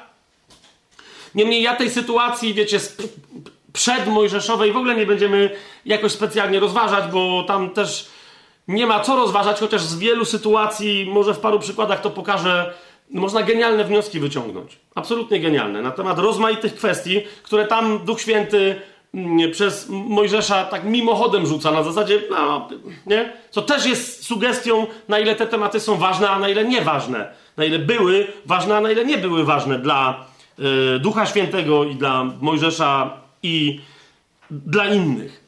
Ale dlaczego potrzebujemy to zobaczyć? Żeby, wiecie, cały czas popatrzeć, przez jakie, jakby. Bo jest między wszystkimi pogańskimi ludami świata, a sytuacją ludzi wierzących w Jachwę przed Mojżeszem jest przepaść. Zwłaszcza w traktowaniu kobiet i tak dalej, tak? Pomiędzy tu, tym, co się dzieje, a Mojżeszem może nie ma dużej przepaści, ale jest kolejna trochę mała. Tak? Taki wąwóz. Ale jest. Fosa taka. Ale, ale jest. Po czym pomiędzy tym a Jezusem jest przepaść nieporównywalna z czymkolwiek wcześniej i tym, co Pan Jezus spowodował, że ma miejsce, powinno mieć miejsce w Kościele. Nie, żebyśmy zrozumieli, wiecie, także wobec tego, że dzisiaj też padają takie oskarżenia, no w Polsce, tak, strajk, strajk kobiet i tak dalej. Przy okazji coraz większe skandale e, wypływające, e, gdy chodzi o kler e, rzymskokatolicki, E, I to jakieś powiązanie jednego z drugim, tak? Ja wielokrotnie na temat paru rzeczy miałem zająć jakąś, e, jakieś tam stanowisko, wypowiedzieć jakieś zdanie. E, na razie tego nie uczyniłem, dlatego że właśnie, że, że tam za dużo rzeczy się poplątało, tak? I dlatego na razie w żadnej z kwestii się nie wypowiadam, może niech się to trochę uspokoi, a jak nie, to będziemy powoli też aktualną sytuację troszeczkę rozważać. Niemniej, e, wiecie, ze względu na Kościół katolicki pojawia się dzisiaj też w przestrzeni publicznej oskarżenie w ogóle pod adresem chrześcijaństwa. To chrześcijaństwo jest największym. E, Kościół rzymskokatolicki, religia rzymskokatolicka to nie jest chrześcijaństwo, tak? To już nie będę teraz tego rozważał. E, to nie znaczy, że chrześcijaństwo ewangeliczne, reformacyjne, nawet dobrze nam znane, poreformacyjne i tak dalej, że nie ma swoich grzechów na sumieniu, tylko chodzi mi o to, że to to nie jest tamto. Yy, Niemniej nie mogę się absolutnie zgodzić z tym, jak ktoś zaczyna atakować i mówić, że podstawa ideologiczna, no bo to mówią niewierzący ludzie, chrześcijaństwa, czyli Biblia e, sankcjonuje wszystkie antykobiece e, postawy, poglądy i tak dalej. To jest absolutnie bzdura. Tak? Jeżeli tego typu postawy przeniknęły do mentalności Kościoła, to one przeniknęły ze świata, a nie wynikają ze Słowa Bożego. Ok? I teraz, yy, więc idąc po kolei, pamiętając już o tych wszystkich założeniach, które przedstawiłem, przyjrzyjmy się yy, tych sytuacji, wybranym przykładom, yy, bo w tych wszystkich test nie ma czasu, żebym to wszystko uzasadniał, ale wybranym przykładem kobieta. Tak? Kobieta w prawie mojżeszowym z pewnymi nawiązaniami, jak to tam trochę inaczej mogło wygl wyglądać przed prawem mojżeszowym. Otwórzmy sobie, dobra, zacznijmy od początku, czyli od końca tory. Otwórzmy sobie 17 rozdział. E, 17 rozdział piątej księgi Mojżeszowej, czyli e, powtórzonego prawa.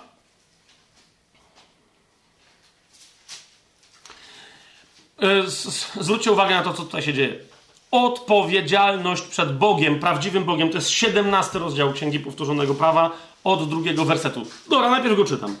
Jeżeli znajdzie się pośród was w jakimkolwiek z twoich miast, które daje ci Jahwe, twój Bóg, mężczyzna czy kobieta, którzy dopuszczą się zła w oczach Jahwe, twojego Boga, przekraczając jego przymierze i idąc będą służyć innym bogom i oddawać pokłon im lub słońcu i tak dalej, i tak dalej, i tak dalej. Czwarty werset. I zostanie ci o tym doniesione, a ty wysłuchasz tego, uważnie, uważaj, zbadasz to dokładnie i okaże się to prawdą i rzeczą pewną, że popełniono taką obrzydliwość w Izraelu, wtedy wyprowadzisz do swoich bram tego mężczyznę lub tę kobietę, którzy dopuścili się tego zła, i tego mężczyznę lub tę kobietę ukamienujesz, aż umrą. Z pierwsza rzecz, której, na którą chciałem zwrócić uwagę w prawie mojżeszowym. W odpowiedzialności duchowej, w odpowiedzialności moralnej, w prawie jako obliczu przymierza z Bogiem, już wtedy, już wtedy Bóg powiedział bardzo wyraźnie: Nie dostrzegam między wami absolutnie żadnych różnic. Jeżeli zło popełni mężczyzna, zło popełni kobieta i nie ma żadnej taryfy ulgowej dla nikogo i nie ma nierównego traktowania.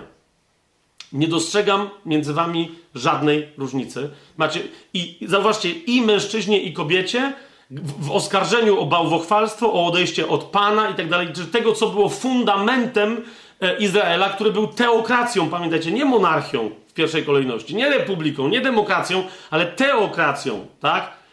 E, czyli e, tam różni ludzie sobie, nawet królowie, Y, powstawali, często uzurpując sobie, ale często mając rację, że reprezentują wolę Boga na ziemi. Tak? Czasem to byli kapłani, czasem ktoś. Jak my różne grupy sobie różne rzeczy uzurpowały, ale idea była taka, że Izrael znajduje się pod władzą i pod rządami Boga. Teokracja. Tak? Nie demokracja. I teraz ten, takich fragmentów znajdziecie w prawie więcej, ale na ten jako absolutnie fundamentalny chcę zwrócić uwagę. Nie jest to dla was szokujące? Zobaczcie, co się dzieje. Potem dopiero mamy XX wiek, w którym konstytucje niektórych krajów, dobra, niektóre w XIX, co, ale zasadniczo to jest XX wiek, kiedy konstytucje po I wojnie światowej, konstytucje wielu krajów zaczęły nagle mówić o równości e, między mężczyzną i kobietą, o odpowiedzialności wobec prawa za przestępstwa itd., tak itd., tak, tak? Ale umówmy się, jednocześnie w, w wielu krajach to były tylko teoretyczne koncepcyjki. Tak? Nie, y, nie wiem, ja kiedyś byłem, osobiście byłem tym zszokowany, bo ja teraz pomijam ruch emancypacyjny, wiecie, w Europie, w Stanach Zjednoczonych, tak, okej, okay. że kobietom nie wolno było głosować, no okej. Okay. Znaczy nie wiem, że okej, okay, tylko ja dzisiaj uważam, że wielu ludziom nie powinno się dać prawa głosu, tak? Z jakiej, z jakiej racji ktoś, kto, yy, wiecie, oddaje głos, decyduje o, o, tym, co się w państwie ma dziać, dlaczego... Yy, wiecie, cały czas jeszcze mu sprawdzają legitymację, yy, czy tam dowód, czy gdzieś jak wódkę kupuje, tak? I, I, dlaczego człowiek, który nie ma dzieci, nie ma, wiecie, są takie koncepcje, że demokracja powinna być na przykład tylko dla tych, którzy mają dzieci. Przynajmniej dwójkę.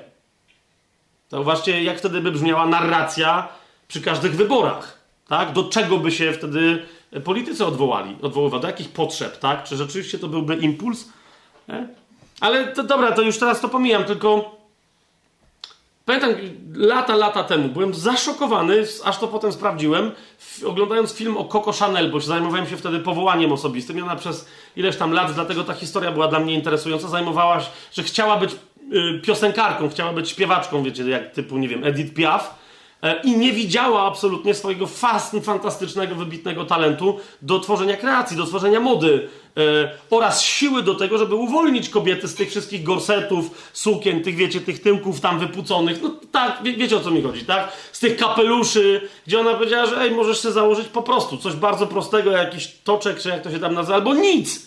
Możesz tylko kokardę na włosy, ej, jest fajnie, tak? Sukienka prosta, portki wolno ci założyć, to ona uwolniła kobiety w XX wieku i no więc oglądam oni tam jakiś tam filmik, z niego się dowiadują, bo zasadniczo taki stosunkowo słaby, ale z tego filmu się dowiaduje, że ona yy, yy, przeprowadziła też batalię o to, była chyba jedną z pierwszych, jeżeli nie pierwszą kobietą w Europie, która otworzyła sobie konto w banku. Tak, robiąc cały raban, yy, bo zawsze była pytana, ale gdzie jest pani master, tak? Gdzie jest pani, gdzie jest twój pan? No nie, który z którym my możemy rozmawiać. Ty jesteś kobietą, ty jesteś, wiesz, no, jakby kot przyszedł i sobie zakładał konto. I ona tam dopiero się postawiła, mówi, co? co? To jest XX wiek, to, tak? Eee, więc już nie mówię o innych odpowiedzialnościach wobec prawa nadal w XX wieku, zwłaszcza przed II wojną światową, tak? A tu zobaczcie, co się dzieje. Tu mówimy o wielu tysiącach lat wstecz, prawo mojżeszowe, tak? Taka sama odpowiedzialność. I jeszcze Pan celowo mówi, czy mężczyzna, czy kobieta. Tego mężczyznę, tę kobietę. Czy to mężczyzna, czy kobieta. Mężczyzna lub kobieta. Bez związku ze sobą. Jeżeli ona sama zawiniła, odpowiada tak samo jak facet. Jasne? Więc to mając w pamięci, to jest, to jest pierwsza dla mnie fundamentalna rewolucja. Kobieta nie jest e, w oczach Bożych czyjąś własność, bo własność, wiecie, własność nie ma odpowiedzialności. Wszystkie, jak popatrzycie sytuację, Mezopotamia, Persja, właśnie kodeks Hammurabiego, e, a propos Mezopotamii, e, Asyria, Egipt, Rzym i tak dalej. W Rzymie dopiero w późnej republice pewne kobiety mogły się dochrapać pozycji prawie że obywatelek, w każdym razie z prawami podobnymi do obywateli męskoosobowych. ale zasadniczo kobieta była pod prawem, była jak może trochę lepszą, może nie do końca własnością taką, z którą mężczyzna mógł wszystko zrobić, ale w zasadzie prawie wszystko. Nawet w Rzymie cywilizowanym, w cudzym słowie, tak? W odpowiedzialnościach religijnych absolutnie. Kobiety nie miały w ogóle, no chyba, że zostały westalkami, no ale wtedy zaś musiały się poddać wielu konkretnym obostrzeniom i rygorom, tak? Więc zobaczcie, co tu się dzieje. Idziemy dalej. Otwórzmy sobie trzecią yy, Mojżeszową, czyli księgę kapłańską. I w tej księdze kapłańskiej dwunasty, yy, dwunasty rozdział. Dwunasty rozdział.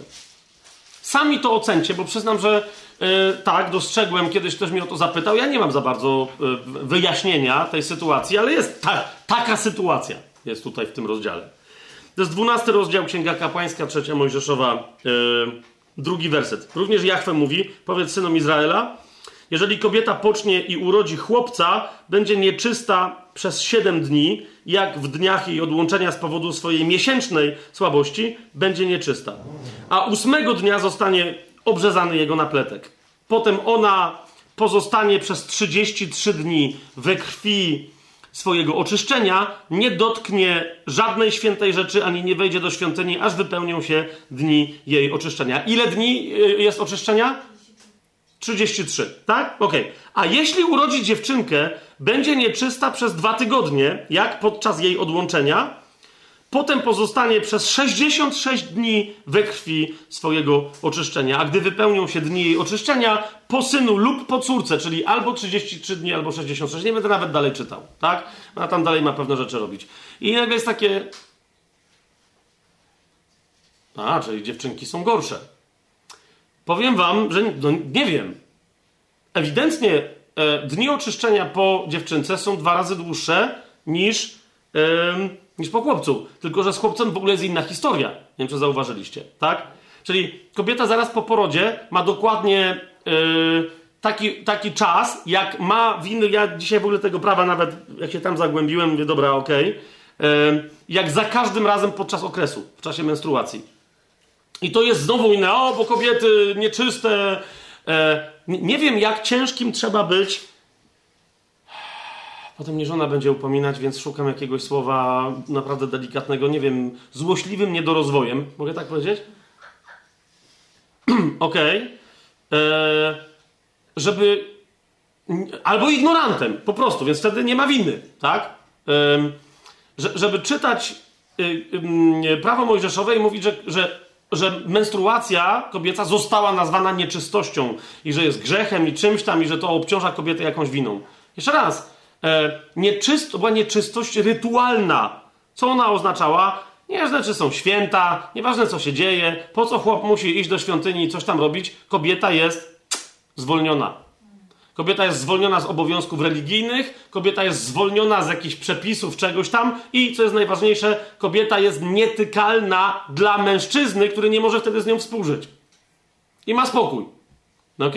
I teraz zauważcie, że po urodzeniu dziewczynki mi wygląda na to, że ten. Bo, bo tu jest, widzicie, w drugim wersecie jest mowa o tym odłączeniu z powodu swojej miesięcznej słabości, że to jest, że są te same prawne zasady, tak? No to po chłopcu yy, jest 7 dni, a po dziewczynce, zauważcie, są dwa tygodnie. Więc powiedziałbym, od męża po chłopcu żona dostaje zwolnienie to pierwsze L4 od seksu i innych kwestii na tydzień, a po dziewczynce na dwa. No to chyba, z mojego punktu widzenia, chyba lepiej. I, i druga rzecz, no to, to też zależy od kobiety, bo niektóre kobiety. No to okej. Okay. Nie wiem, czy lepiej, czy nie, ale no dobra. Plus druga rzecz, zauważcie, e, chłopca trzeba zanieść do świątyni na obrzezanie, a dziewczynki nie.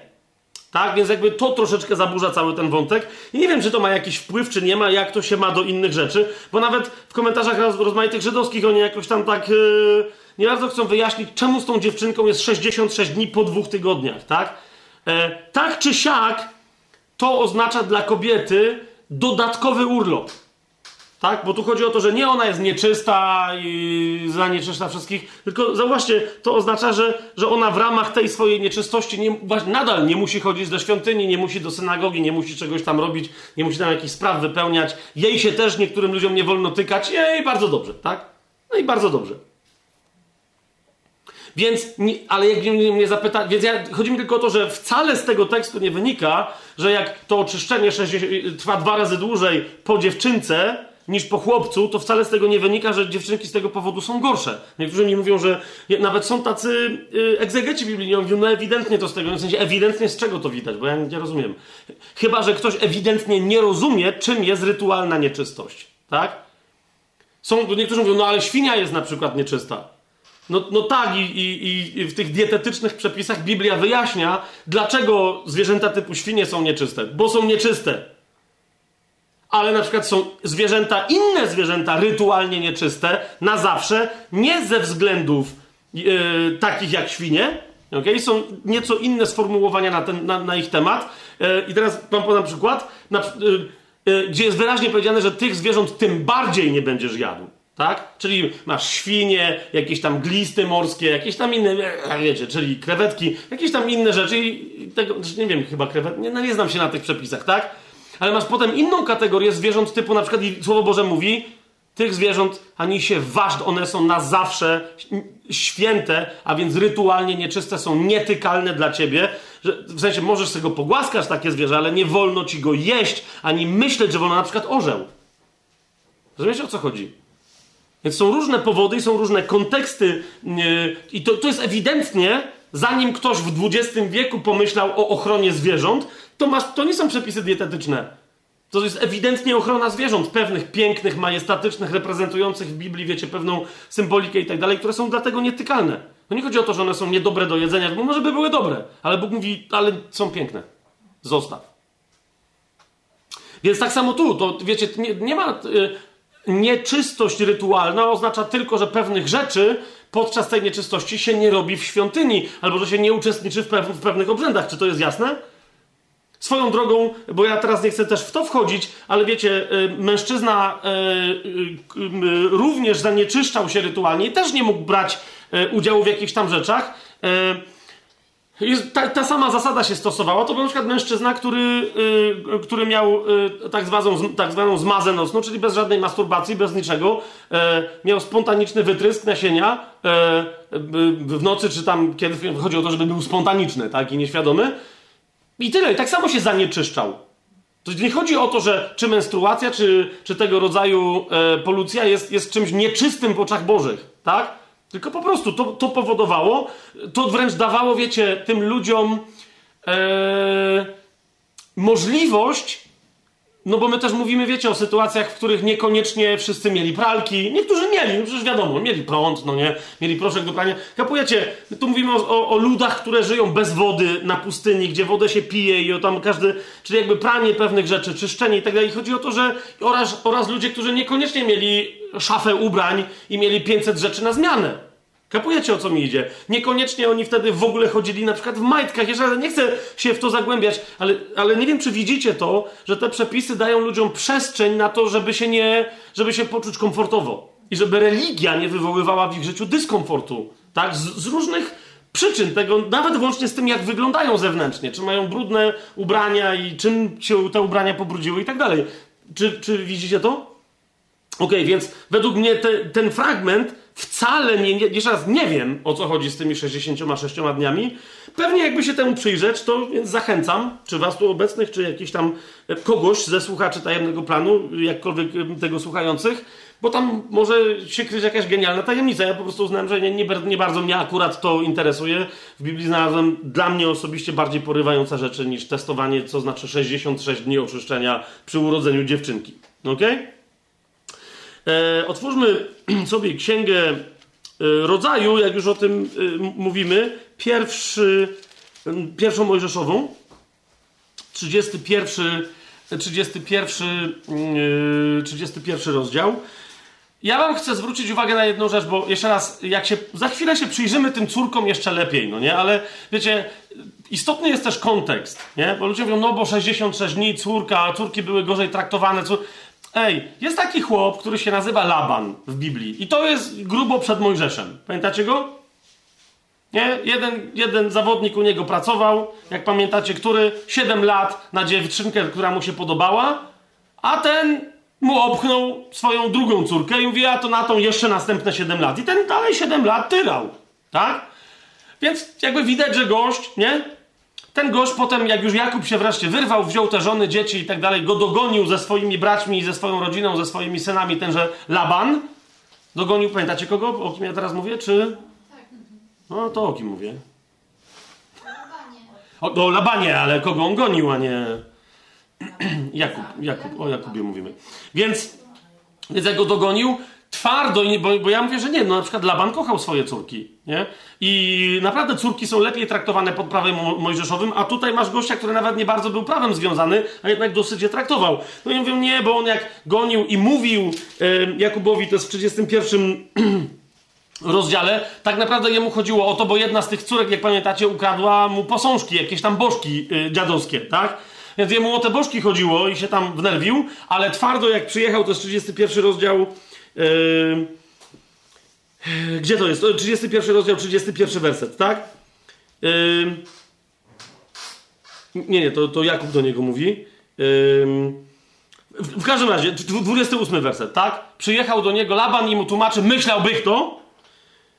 Mówi, nie pozwoliłeś mi ucałować moich synów i moich córek. W sensie, że na pożegnanie głupio postąpiłeś. No potem się okazuje, że tak naprawdę to szuka tych bożki. Niektórzy mówią, nie no, Laban nie kochał tych swoich córek. Otóż kochał. Jakby nie kochał tych swoich córek, to pierwszy argument nie dałby tej swojej starszej, brzydszej, przynajmniej w Jakubowym rozumieniu, córki za mąż. On wiedział, że jak on jej nie weźmie, to już nikt jej nie weźmie. Rozumiecie? Więc on dbał o tą córkę. Ewidentnie, na sposób dziwny, ale, ale zobaczcie potem, co, bo niektórzy powiedzą, no tak, ale on tam mnie akurat chciał całować. Zobaczcie, jak już oni się dogadali, zwłaszcza, że Jachwę ostrzegł Labana, żeby nie fikał za bardzo, tak? I że jak przyjedzie do Jakuba, żeby nawet nie mówił o nim, ani dobrze, ani źle. Niech będzie neutralny, nie? Bo jak powie, no jakby gadał dobrze, to by kłamał, jakby gadał źle, to, to by dostał w czambuł. Więc Jachwę mu się przyszli i powiedział, uspokój się. No to Laban był spokojny. Ale jak już się dogadali, już się ustalili, tu jest granica, ty nie będziesz wchodził, ja ci nie będę wchodził, mamy przymierze, to zobaczcie, co się teraz dzieje. To jest 31 rozdział, 50 werset. Nagle, po tych wszystkich umowach, że oni jako mężczyźni już się dogadali, Laban mówi do Jakuba, jeżeli będziesz krzywdził moje córki, ciekawe co? Jeżeli będziesz krzywdził moje córki i jeśli pojmiesz inne żony oprócz moich córek, to choć nie ma tu z nami nikogo, patrz, Bóg jest świadkiem między mną a tobą. Laban już znał Jachwę i on powiedział, rozumiesz o co mi chodzi? Zobaczcie, to, rozumiecie? On, bo tam jest wcześniej dosłownie mowa o granicach, wiecie, kto na kogo nie może najeżdżać i on mówi, jeżeli będziesz krzywdzić moje córki, nie? Tylko moje dwie i, i ci wystarczy. I dalej, zobaczcie, 55 werset okazuje się, że być może wcale nie żartował Laban z tym całowaniem, Nazajutrz wcześnie rano Laban wstał, ucałował swoich synów i swoje córki i błogosławił im wszystkim. Więc wiecie, widząc po prawie mojżeszowym, że w prawie mojżeszowym e, naprawdę córki przez ojców są traktowane lepiej, Bóg nakazuje, żeby je traktować lepiej niż wcześniej, e, no to powiedziałbym, że te 66 dni nie mogą oznaczać, że, są, że córki są, mają być gorzej traktowane przez matki. To jest jakiś nonsens. Rozumiecie, o co mi chodzi? Naprawdę nie wiem, o co chodzi z tymi 66 dniami, ale to nie może być... Zresztą, no, yy, idźmy dalej. Yy, Księga Powtórzonego Prawa, czyli 5 Mojżeszowa, 22 rozdział. Yy, piąty werset. To na razie te córki tu zostawmy, zaraz do tego yy, wrócimy, tylko o takich bardziej fundamentalnych rzeczach chcę powiedzieć, nie? E, na razie córki zostawmy, tak. Bo chcę wrócić do takiej jakby, jak w ogóle kobiety są traktowane, nie? E, niektórzy mówią, że no kobiety były gorzej traktowane. Powiedzcie mi, czy widzicie w, w, tym zapisie gorsze traktowanie kobiet? To jest 22 rozdział Księgi Powtarzanego Prawa, 5 werset. Kobieta nie będzie nosiła ubrania mężczyzny, ani mężczyzna nie włoży na siebie ubrania kobiety. Gdyż ci, którzy tak czynią, budzą odrazę u Jachwę, Twojego Boga. Czy. Ja rozumiem, że ktoś uważa, że bo on by chciał chodzić we wszystkim. Jakby, okej, okay. jeszcze raz, to nie jest XXI wiek. Tylko powiedzcie mi, czy to powoduje, że kobiety tu są gorzej traktowane niż mężczyźni? Wiecie, z, z paru innych fragmentów widać wyraźnie to wynika z tego, że na przykład mężczyźni e, czy musieli na przykład zapewnić kobietom strój, e, na przykład przy, w, w, trakcie wojen i tam innych historii, e, żeby nie, nie, miały, nie mogły korzystać ze strojów mężczyzn dzięki temu. A jakby pamiętajcie cały czas o e, pewnych rozwiązaniach, także jakby przy okazji ubrań, jakby, że całe ubranie i tak dalej, na przykład kobiece, musiało brać pod uwagę e, na przykład kwestię okresu, który się może pojawić e, nie zawsze wiadomo kiedy. Tak? Więc chodząc jakby w ubraniu mężczyzn, więc jakby widzicie, co jest grane? I to powodowało, to prawo powodowało, że mężczyźni musieli zadbać o to, żeby kobiety yy, yy, nie ubierały się, w, tylko trzeba było im zapewnić ich ubranie. Nie? Z drugiej strony kobiety nie ubierały swoich synów jak dziewczynki. Nie mówię, że dzisiaj tak się dzieje, ale w historii yy, popatrzycie na różne barokowe, inne, yy, wiktoriańskie nawet, ja, wiecie, raz czy drugi się zdziwiłem, yy, raz w jednym muzeum walnąłem takie fopa, mówię, że wow, jakie były ładne te, te, te, te dziewczynki wtedy. Myślałem, że jakieś takie były ohydne, no nie? To jakieś takie Chociaż potem wie, że chociaż w zasadzie ta, ta dziewczynka to taka trochę brzydka, no ale ładnie przynajmniej ubrana, nie? Ktoś mi mówi, że to, ale to nie jest dziewczynka, to jest książę jakiś tam. no to czemu jest ubrany jak dziewczynka? No bo jego matka księżna jakaś tak go kazała ubierać, bo ona już miała dużo synów i chciała córkę. Aha. A to rozumiem, Biblia mówi, no nie, nie, nie, nie, nie będziecie cudować, nie będziecie się wygłupiać. Eee, Idźmy dalej. Y, zobaczmy y, Księgę Rodzaju, 24 rozdział. Nie? Bo, bo od razu tam niektórzy mówią, no tak, tak, ale prawda jest taka, że właśnie potem mężczyźni się mogli ubierać jak chcieli, swobodnie i tak dalej, a tam baby miały jakieś problemy i to był ucisk kobiet, ucisk kobiet. Zobaczcie, 24 e, rozdział. Między innymi właśnie to jest to, że no, wiecie, no przecież na Bliskim Wschodzie do dzisiaj kobiety się muszą zasłaniać i to, to nie jest tylko, wiecie, kultura muzułmańska. Chociaż islam głównie na to wpłynął, że kobiety się mają zasłaniać, tak? Bo są brzydkie i, i tyle. No nie? Koty się nie muszą zasłaniać, kobiety się muszą zasłaniać. Albo są własnością i wtedy nikt na nie nie ma prawa patrzeć. Zobaczcie, jeszcze przed prawem mojżeszowym a propos ubierania się, a pamiętajcie, że w prawie mojżeszowym jest lepiej, tak? Mamy Księgę Rodzaju, pierwszą mojżeszową, 24 rozdział, Mamy tam sytuację spotkania innej legendarnej e, pary patriarchalnej, Izaaka i Rebeki. Jak pamiętacie, Rebeka jedzie e, w stronę Izaaka, i teraz, a Izaak akurat tam se szedł, wyszedł se na pole, tak? I 63 werset mówi, i wyszedł Izaak na pole. Wreszcie tu właściwy tłumacz nie napisał, że na dwór. I wyszedł Izaak na pole pod wieczór, aby rozmyślać. Więc pod wieczór, czyli troszkę zmierzchało, jakby wiecie, widoczność nie była aż taka dobra, tak? Dlaczego to jest istotne? Bo patrzcie, co się dzieje. Gdy podniósł swoje oczy, zobaczył zbliżające się wielbłądy. wielbłądy. No i na nich tam jacyś ludzie jechali, tylko że no, było troszkę ciemniej i on no wielbłądy, okej. Okay. I teraz jest przeniesienie, bo to jest film.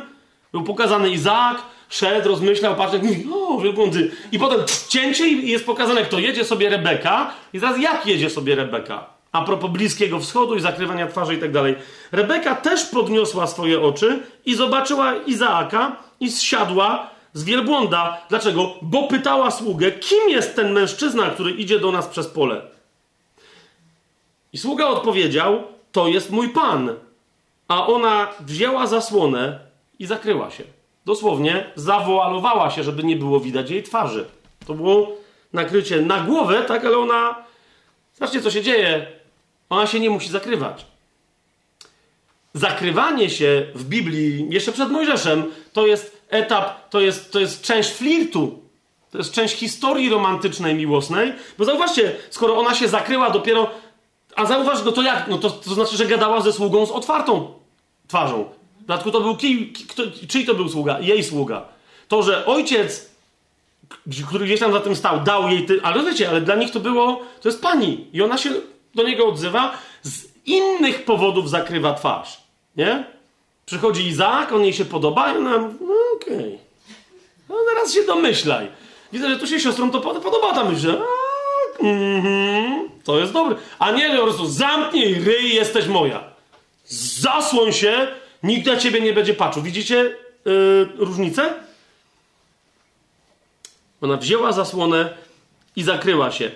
38 mm, rozdział sobie otwórzmy. 38 rozdział. 14. Dobra, od 13 wersetu. Tam jest, pamiętacie, sławną Tamar.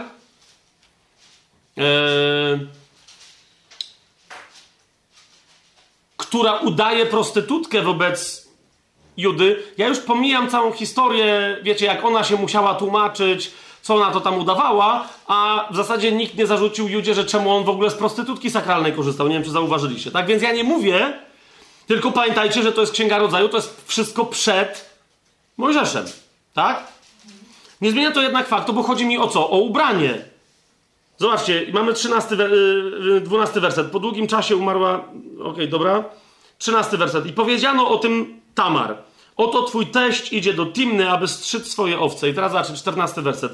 Zdjęła więc z siebie wdowie szaty, okryła się welonem. I raz tu y, wszyscy, których pytałem, wszędzie wszystkie komentarze mówią, to znaczy, że we wdowich szatach nie chodziła w welonie, nie zasłaniała wcale twarzy. Dopiero kiedy się przebrała za prostytutkę, zasłoniła sobie twarz. I prawdopodobnie nie dlatego, że musiała, tylko dlatego, że być może to był zwyczaj, wiecie, kobiet, które nie chciały, żeby było widać, kim są, kiedy uprawiają prostytucję sakralną, ale też nie wynikało z tego, że musiała zasłonić twarz.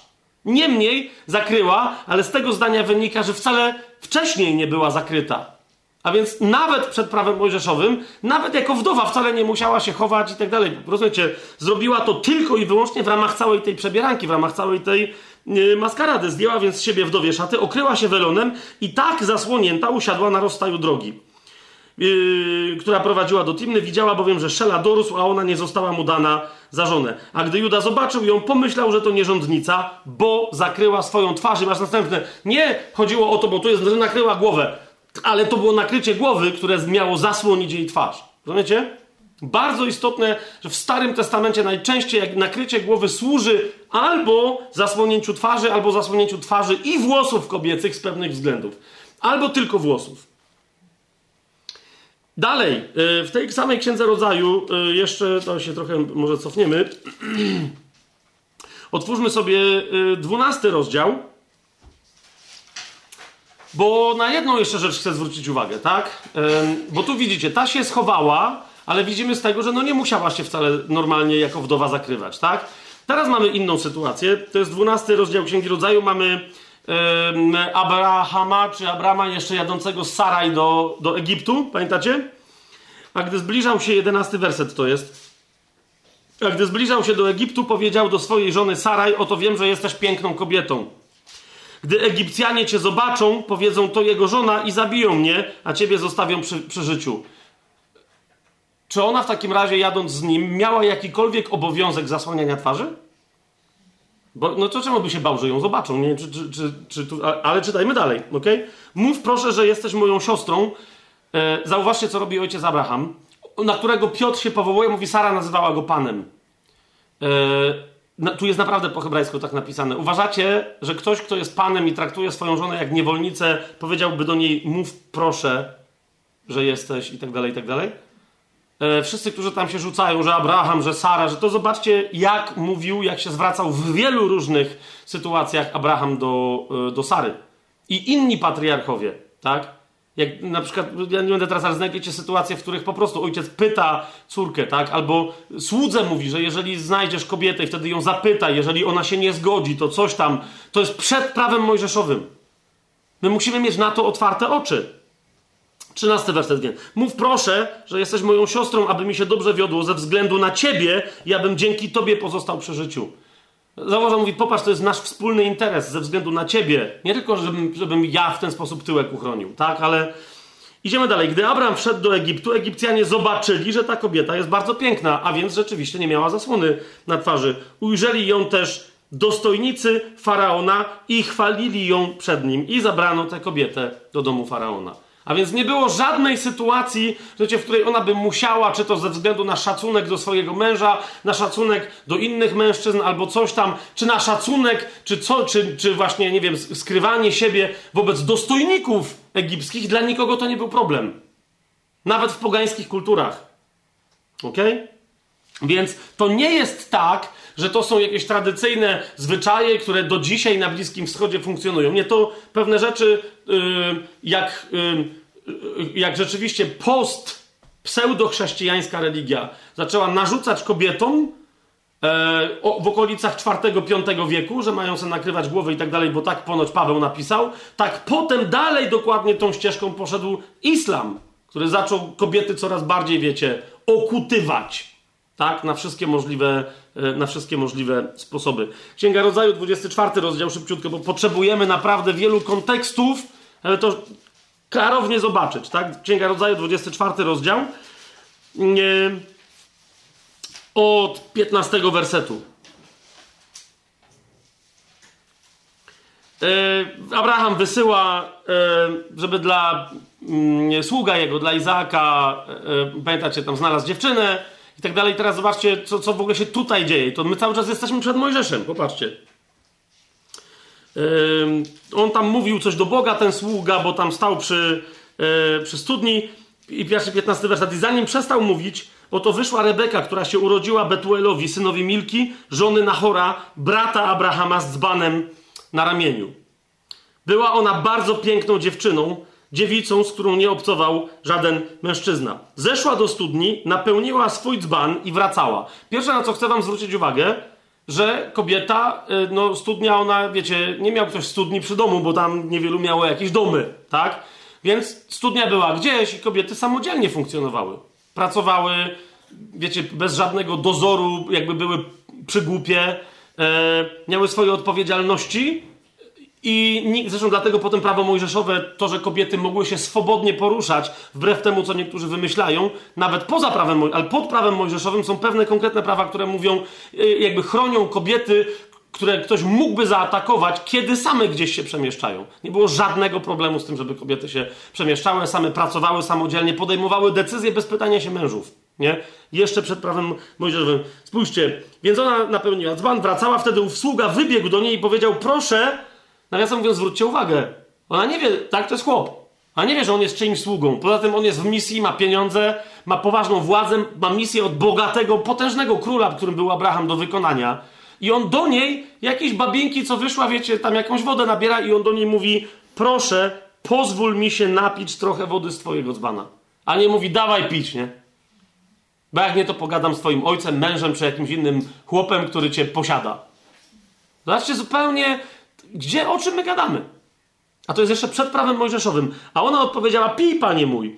I szybko pochyliła, nie wiem, czy widzicie, pij, panie mój, tak? Ale, ale to nie, to to ona nie rozpoznaje w nim nikogo, jakby wiecie, po prostu to jest. No, to jest tak, jak niektórzy na wschodzie się dziwią i, i się z nas śmieją, że my do wszystkich mówimy per pani albo pan, bo pamiętają, co oryginalnie w słowiańskich językach to oznacza, że to jest jakiś władca, nie? A w Polsce wszyscy są, w, po, w Polsce wszyscy pany. Wiecie o co chodzi. No, ale to, to no, tak jak mówisz, witam pana, czy to, to wcale tak, Wcale nie mówisz, panie mój, rób ze mną co chcesz, tak? Bo ty pracujesz w sklepie, a ktoś przyszedł coś kupić. Bo on też do ciebie mówi, witam panią, tak? Czy tam witam pana, no i co, wszyscy wszystkimi. Nie? Nie mówię teraz, że to było tylko i wyłącznie kulturowe, ale, ale to był raczej wyraz grzeszno, grzeczności, uprzejmości. Yy, czujecie, co, co, co, czy widzicie to, to w tym tekście? A nie jakiegoś uznania, że to przyszedł mężczyzna i jest reprezentantem, reprezentantem patriarchatu. Ona odpowiedziała, pij, Panie mój, szybko pochyliła swój dzban na swoją rękę i dała mu pić. Zauważcie, co się dzieje. Jego nam udaje pić. No, no. Panie mój, ale proszę bardzo, tutaj, bo trochę mnie to kosztowało, żeby tę wodę wyciągnąć. A gdy dała mu się napić, powiedziała: Naczerpię wody także dla twoich wielbłądów, aby napiły się do woli. Wylała prędko wodę ze swojego dzbana w koryto i pobiegła znowu do studni czerpać wodę i naczerpała dla wszystkich jego wielbłądów. Tu niektórzy liczą, ile ona roboty wykonała. Rozumiecie? Więc nie było nikogo, ona mogła decydować o swoim czasie. To bardzo długo trwało. On tu nie przyjechał z dwoma wielbłądami, to była karawana, tak? Teraz to czerpanie wody, no, tam nie było też automatycznej pompy i tak dalej. I ona wiele godzin na to, jak niektórzy twierdzą, poświęciła, ale miała, ona miała, to był jej czas. Nikt na nią nie czekał w domu i tak gdzieś ty była, coś robiła, tak? A ów mężczyzna zdumiewał się nią, zastanawiając się w milczeniu, czy Pan poszczęścił jego podróży, czy nie. No wiecie, wtedy ideał kobiecy to była, to była młoda, oczywiście, że nietknięta dziewica, piękna, zaradna i robotna. I chłop tu stoi i mówi, no to czego mi jeszcze trzeba? Przecież ani jej kijem do roboty nie trzeba gonić. Piękna jest, mądra i tak dalej, nie? Gdy więc wielbłądy się napiły, ów mężczyzna wyjął i dał na jej ręce złoty kolczyk ważący pół cykla i dwie bransolety ważące dziesięć cyklów złota. I zapytał, czyją jesteś córką? Powiedz mi, proszę. Czy jest w domu twojego ojca miejsce dla nas na nocleg? Zauważcie, po pierwsze on nie oczekuje, nie, nie, nie, pyta, czy mógłbym pojechać do twojego taty się spytać, bo ty nie wiesz, tylko on się jej pyta. Daje jej, nie pyta się, czy mu wolno dać jak dziecku, rozumiecie, to jest dla ciebie. I swoją drogą sprawa Mojżesza, bo tam też to pokazuje, że kobiety mają prawo do, do własności i mężczyźni muszą je respektować. To było jej, ona to, to, on to jej dał. I ona nie była że potem wróci do domu i on nie zastrzegał, zaprowadź mnie do twojego taty, ja mu wytłumaczę, że to intencja była, żeby, żeby ci czasem nie wziął. Ale patrzcie, zapytał ją, a ona mu odpowiedziała, jestem córką Betuela, syna Milki, którego urodziła na chorowi. Po czym dodała, jest u nas dosyć słomy i paszy oraz miejsce na nocleg. Co to znaczy? To znaczy, że ona go zaprasza. Ona podejmuje decyzję i wie, najwyraźniej zależy, należy to do zakresu jej kompetencji, że nic, nikt w domu nie powie, źle zrobiłaś, czemuś się nie spytała, głupia jesteś, yy, nieposłuszna i jakaś. Nie, widzicie to? Tego typu historii yy, jest mnóstwo, mnóstwo. Jeszcze jedna rzecz, chociaż przyznam, że się musiałem trochę nazwijać, żeby w ogóle z tymi ubraniami kobiecymi, żeby w ogóle właściwe rzeczy poznajdywać. Jak sobie otworzycie pierwszą y, Samuela, Bogu dziękuję, że, że, że to mi jeszcze w oko wpadło i, i, i, z pamięci wyskoczyło. Pierwsza księga Samuela, pierwszy rozdział, dwunasty werset. Tam jest ta y, przesławna historia, kiedy w Shiloh Anna się modli, a kapłan Heli się jej troszkę potajemnie przygląda. E, no i niektórzy mówią, że no dobra, ale religijnie kobiety musiały, nie wiem, zasłaniać głowę, twarze i, i Paweł do tego nawiązuje później. No nie wiem, bo ja wiele, no prawie nic nie znalazłem, ale znalazłem właśnie takie zdanie, które mówi e, w pierwszym rozdziale pierwszej księgi Samuela, e, dwunasty werset i dalej, mówi, a gdy długo modliła się przed Panem, Heli przypatrywał się jej ustom.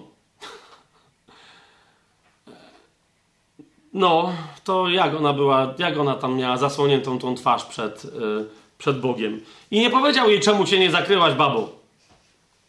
Nie? Tylko yy, Heli sądził, że ona jest pijana.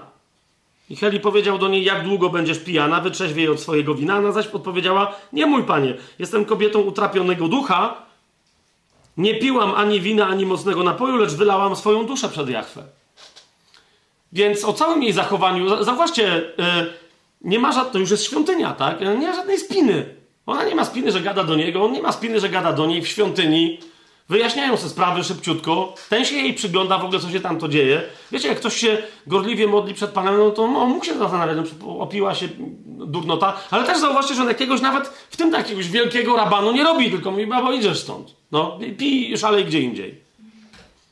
Więc, ale już się nie koncentrujemy na innych zachowaniach, tylko chodzi mi o samo zasłonięcie twarzy. Widzicie, że nawet w tej świątynnej sytuacji nie ma niczego takiego. Wręcz cały opis zupełnie co innego sugeruje. Natomiast, jak już o tym mówimy, to może zakończmy ten wątek w taki sposób. Księga Rodzaju, 20, 20 rozdział. Bo musimy sobie też i o tym yy, powiedzieć. Bo y, jak pamiętacie, e, Abraham nie raz, ale dwa razy udawał, y, znaczy kazał Sarze udawać swoją siostrę, znaczy którą ona nawiasem mówiąc była, co też na razie nie będziemy wchodzić. E, zresztą to on się potem Abimelekowi przyznał, że no ja ci powiedziałem zgodnie z prawdą, że to jest moja siostra, tylko że ta siostra jest też moją żoną, ale to jest trochę inna historia. On tam się, znaczy nie tylko faraona, to była jeszcze druga taka historia, że Abraham mówił, że to jest tylko moja siostra. I bardzo interesującą rzecz mówi w pewnym momencie mm, po całej tej historii Abimelek, który nie tylko się skarży Abrahamowi, że no to po co mnie robisz w konia, tak samo jak i Faraon, ale też Sarze coś powiedział. To jest 20 rozdział księgi yy, rodzaju. Abraham się tam tłumaczy yy, Abimelekowi, czemu to tak zagrał, jak zagrał. Yy, no właśnie w, w 12 wersecie mówi, zresztą ona naprawdę jest moją siostrą, córką mojego ojca, chociaż nie jest córką mojej matki. Okej, okay, dziwna historia i została moją żoną. Wtedy, patrzcie, 14 werset. Wtedy Abimelek wziął owce i woły oraz służących i służące i dał Abrahamowi i zwrócił mu jego żonę Sarę. I Abimelek powiedział, oto moja ziemia jest przed tobą, zamieszkaj gdzie ci się podoba. Ale do, a do Sary powiedział, dałem twojemu bratu tysiąc srebrników. I teraz spójrzcie, co się dzieje. Oto on jest zasłoną twoich oczu u wszystkich, którzy są z tobą i u wszystkich innych. O tym Sara została pouczona. A o tym nie wiedziała wcześniej. Istnieje więc rzeczywiście jakiś związek, no to teraz ja nie będę tego, ale widzicie, że jakby z, z, zasłonięciem, bo tu chodzi o to, że jesteś zasłonięciem dla, on jest zasłonięciem dla twoich oczu, dla, czy dla twojej twarzy, tak? Kto? Twój mąż, który, no zdarzyło się, że jest twoim bratem i w tym nie skłamał, tak? Albo twój brat, i ona jakby z tego coś wywnioskowała, to ją czegoś nauczyło. Nie? A propos, a więc jest rzeczywiście jakiś tu, jakaś myśl się pojawia jeszcze przed prawem mojżeszowym o tym, że kobieta może e, jakby zasłonić twarz w związku z czym? Z relacją ze swoim mężem. Ja jeszcze raz przypomnijcie sobie e, Rebekę tak? która zasłania twarz, nie zasłania przed y, sługą i tak dalej, ale zasłania przed kimś, kto no, w zasadzie jedzie, bo jest jej narzeczonym. Tak? E, po to, żeby potem się przed nim odsłonić. Więc, a, a od tej pory on y, jakby ją osłania. Więc, y, ale to tyle. To tyle na temat, bo niektórzy mówią, to nie ma, to jest, to jest nieważne, to jest bez znaczenia, bez powiązania. Całkiem możliwe, ale chodziło mi tylko o to, żeby pokazać, że jak, że jak mówi księga potem Mojżeszowa, yy, yy, yy, piąta Mojżeszowa, mówi o tym, że mężczyźni nie mają się ubierać jak kobiety, a kobiety jak mężczyźni, to nie chodzi o to, że kobiety, zresztą tam nie ma, w żadnym innym miejscu Biblia nie sugeruje, że kobiety mają się ubierać inaczej niż mężczyźni żeby to w jakiś sposób je gnębiło, naznaczało, oznaczało, że są czyjąś własnością i tak dalej. Czy to jest jasne? Tak? Pokazałem wam, jak to przed prawem mojżeszowym już wygląda i w prawie mojżeszowym jest tylko tyle. Tak? Jest tylko tyle.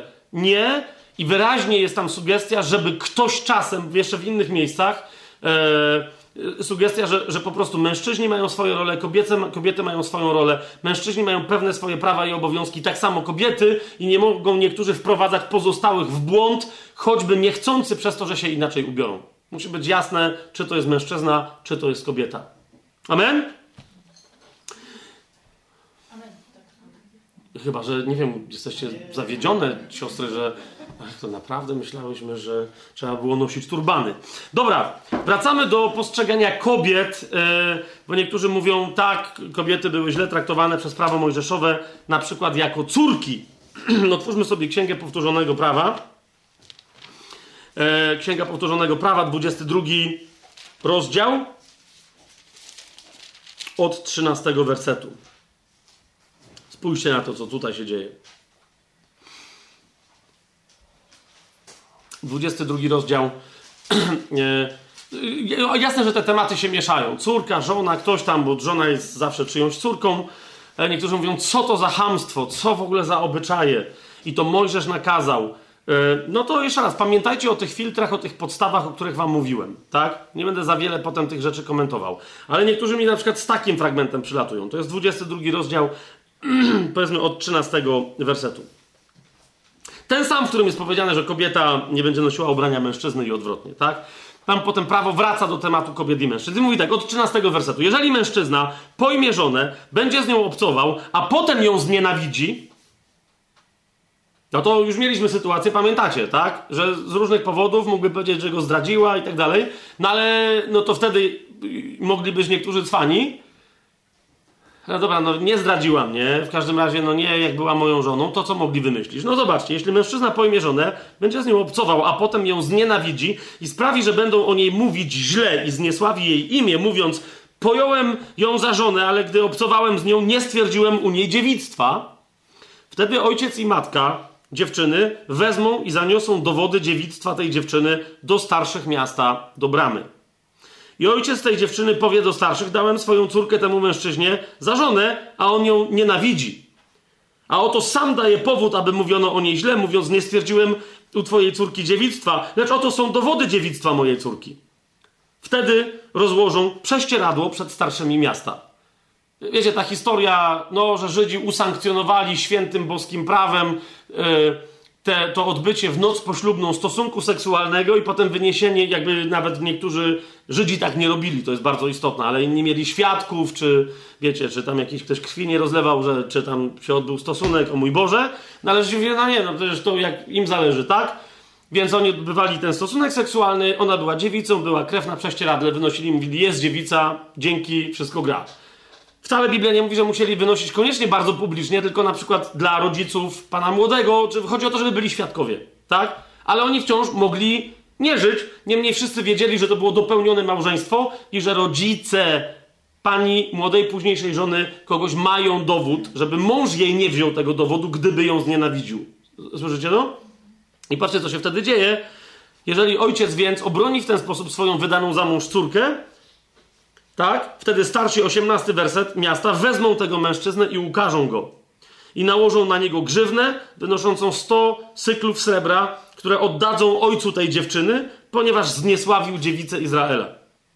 Pozostanie jego żoną i nie będzie od tej pory już mógł jej oddalić po wszystkie swoje dni. Czyli gdzie indziej prawo dawało możliwość mężczyźnie rozwieść się z kobietą, a tutaj prawo mówiło, stary, jak coś takiego zasugerujesz, dziadu, to się nigdy nie będziesz mógł rozwieść. I dla niektórych to było, zdaje się, większe ukaranie niż te 100 cyklów yy, srebra. ok? Lecz jeśli oskarżenie będzie słuszne, a nie znajdą się dowody dziewictwa tej dziewczyny, wtedy wyprowadzą tę dziewczynę do drzwi domu jej ojca i mężczyźni tego miasta ukamienują ją na śmierć, gdyż popełniła haniebny czyn w Izraelu. I niektórzy mówią, no i widzisz, ten zapłaci 100 cykli i tak dalej. No tak, ale za fałszywe oskarżenie.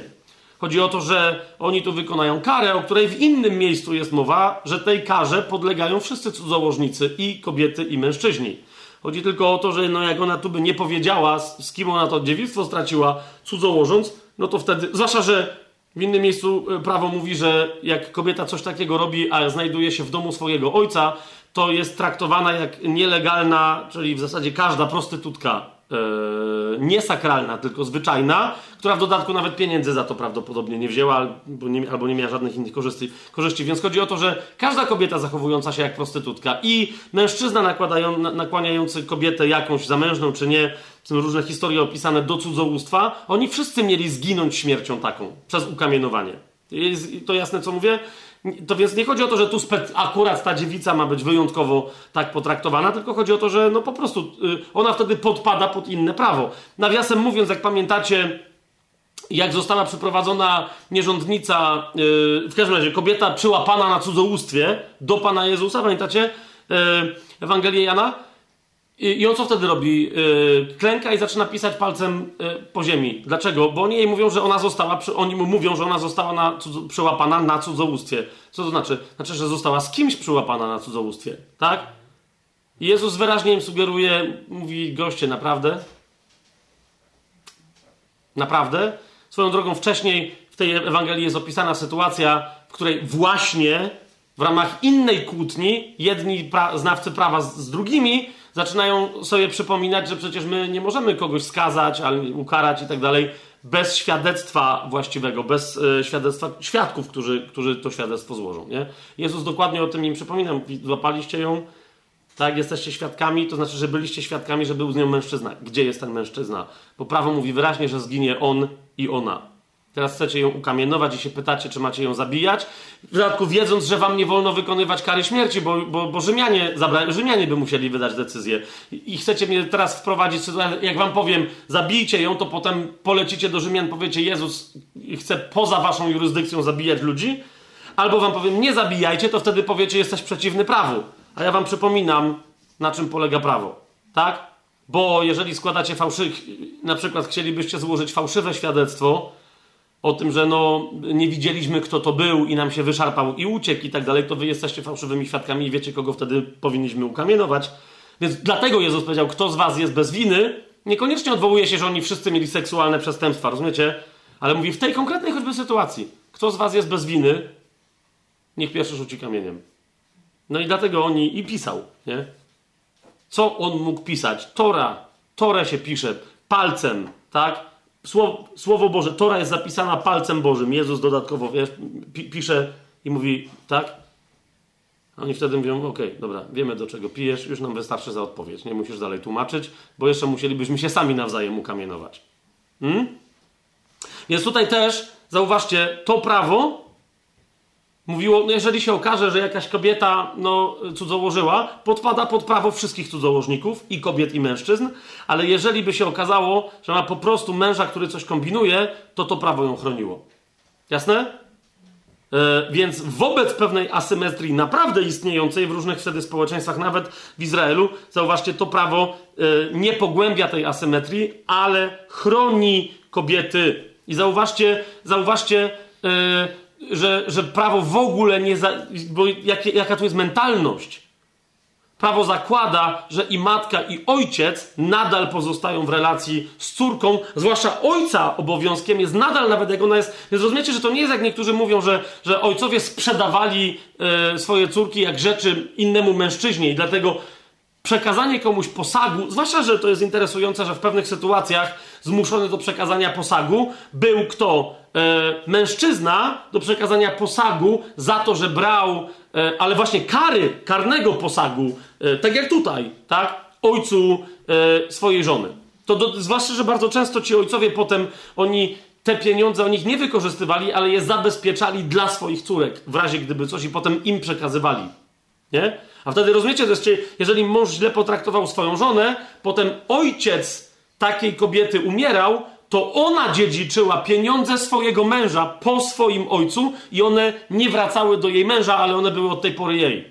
Czyli w pewnym sensie oj, to przekazanie tych pieniędzy, tych stu cyklów ojcu swojej żony było de facto zapłaceniem odszkodowania swojej żonie, tak żeby później mężczyzna nie mógł jej tego odebrać, jak już nikt nie będzie patrzył. Nie wiem, czy widzicie, są bardzo, mnóstwo rzeczy tutaj się załatwia, tak? Powtórzonego prawa, jak już tu jesteśmy, piąty rozdział, sobie otwórzmy. Czternasty werset. Kobiety nie były wyłączone w żaden sposób, wręcz przeciwnie. E, żaden rodzaj kobiet nie był wyłączony na przykład ze świętowania szabatu. Tak? Piąty rozdział, Księga Powtórzonego Prawa, piąty rozdział, czternasty werset. Ale siódmy dzień jest szabatem Jahwe, Twojego Boga. Nie będziesz wykonywał żadnej pracy w tym dniu, ani ty, ani twój syn, ani twoja córka, ani twój sługa, ani twoja służąca, i tak dalej, i tak dalej, i tak dalej. Widzicie? Nie ma, yy, nie ma, yy, nie ma rozróżnienia. Księga Powtórzonego Prawa, dwunasty rozdział. Dwunasty werset. Dwunasty rozdział, dwunasty werset.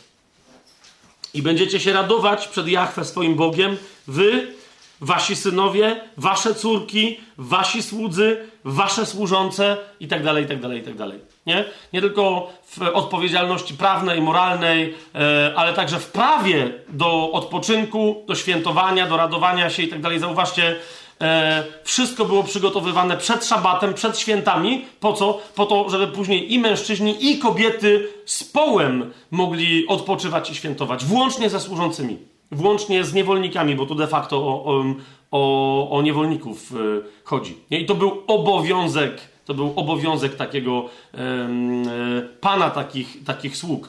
Okay? Wyobraźcie, to, to jest szokujące. Szokujące. Popatrzcie na XIX-wieczne układy wysoce cywilizowanego społeczeństwa wiktoriańskiego w Wielkiej Brytanii. Żeby tam komuś do głowy przyszło, żeby dać e, szabat, czyli w tym wypadku wolną niedzielę e, służącym. Wtedy dopiero była robota. Nie? A zobaczcie, co, co, się dzieje w prawie, co się dzieje w prawie mojżeszowym. Ym, w ogóle pewne aspekty funkcjonowania tuż przed tym, jak Mojżesz otrzymał prawo, ale to było w tym duchu. Jak sobie otworzymy drugą Mojżeszową, e, czyli Księgę Wyjścia, 15 rozdział, pewne aspekty oddawania czci Jachwę były wręcz, powiedziałbym, specyficznie przypisane kobietom i mężczyźni niespecjalnie tam się w to angażowali. Zobaczcie, 15 rozdział, 15 rozdział, 20 werset. Wtedy prorokini Miriam, siostra Aarona, wzięła bębenek e, do ręki, a wszystkie kobiety wyszły za nią z bębnami i w pląsach.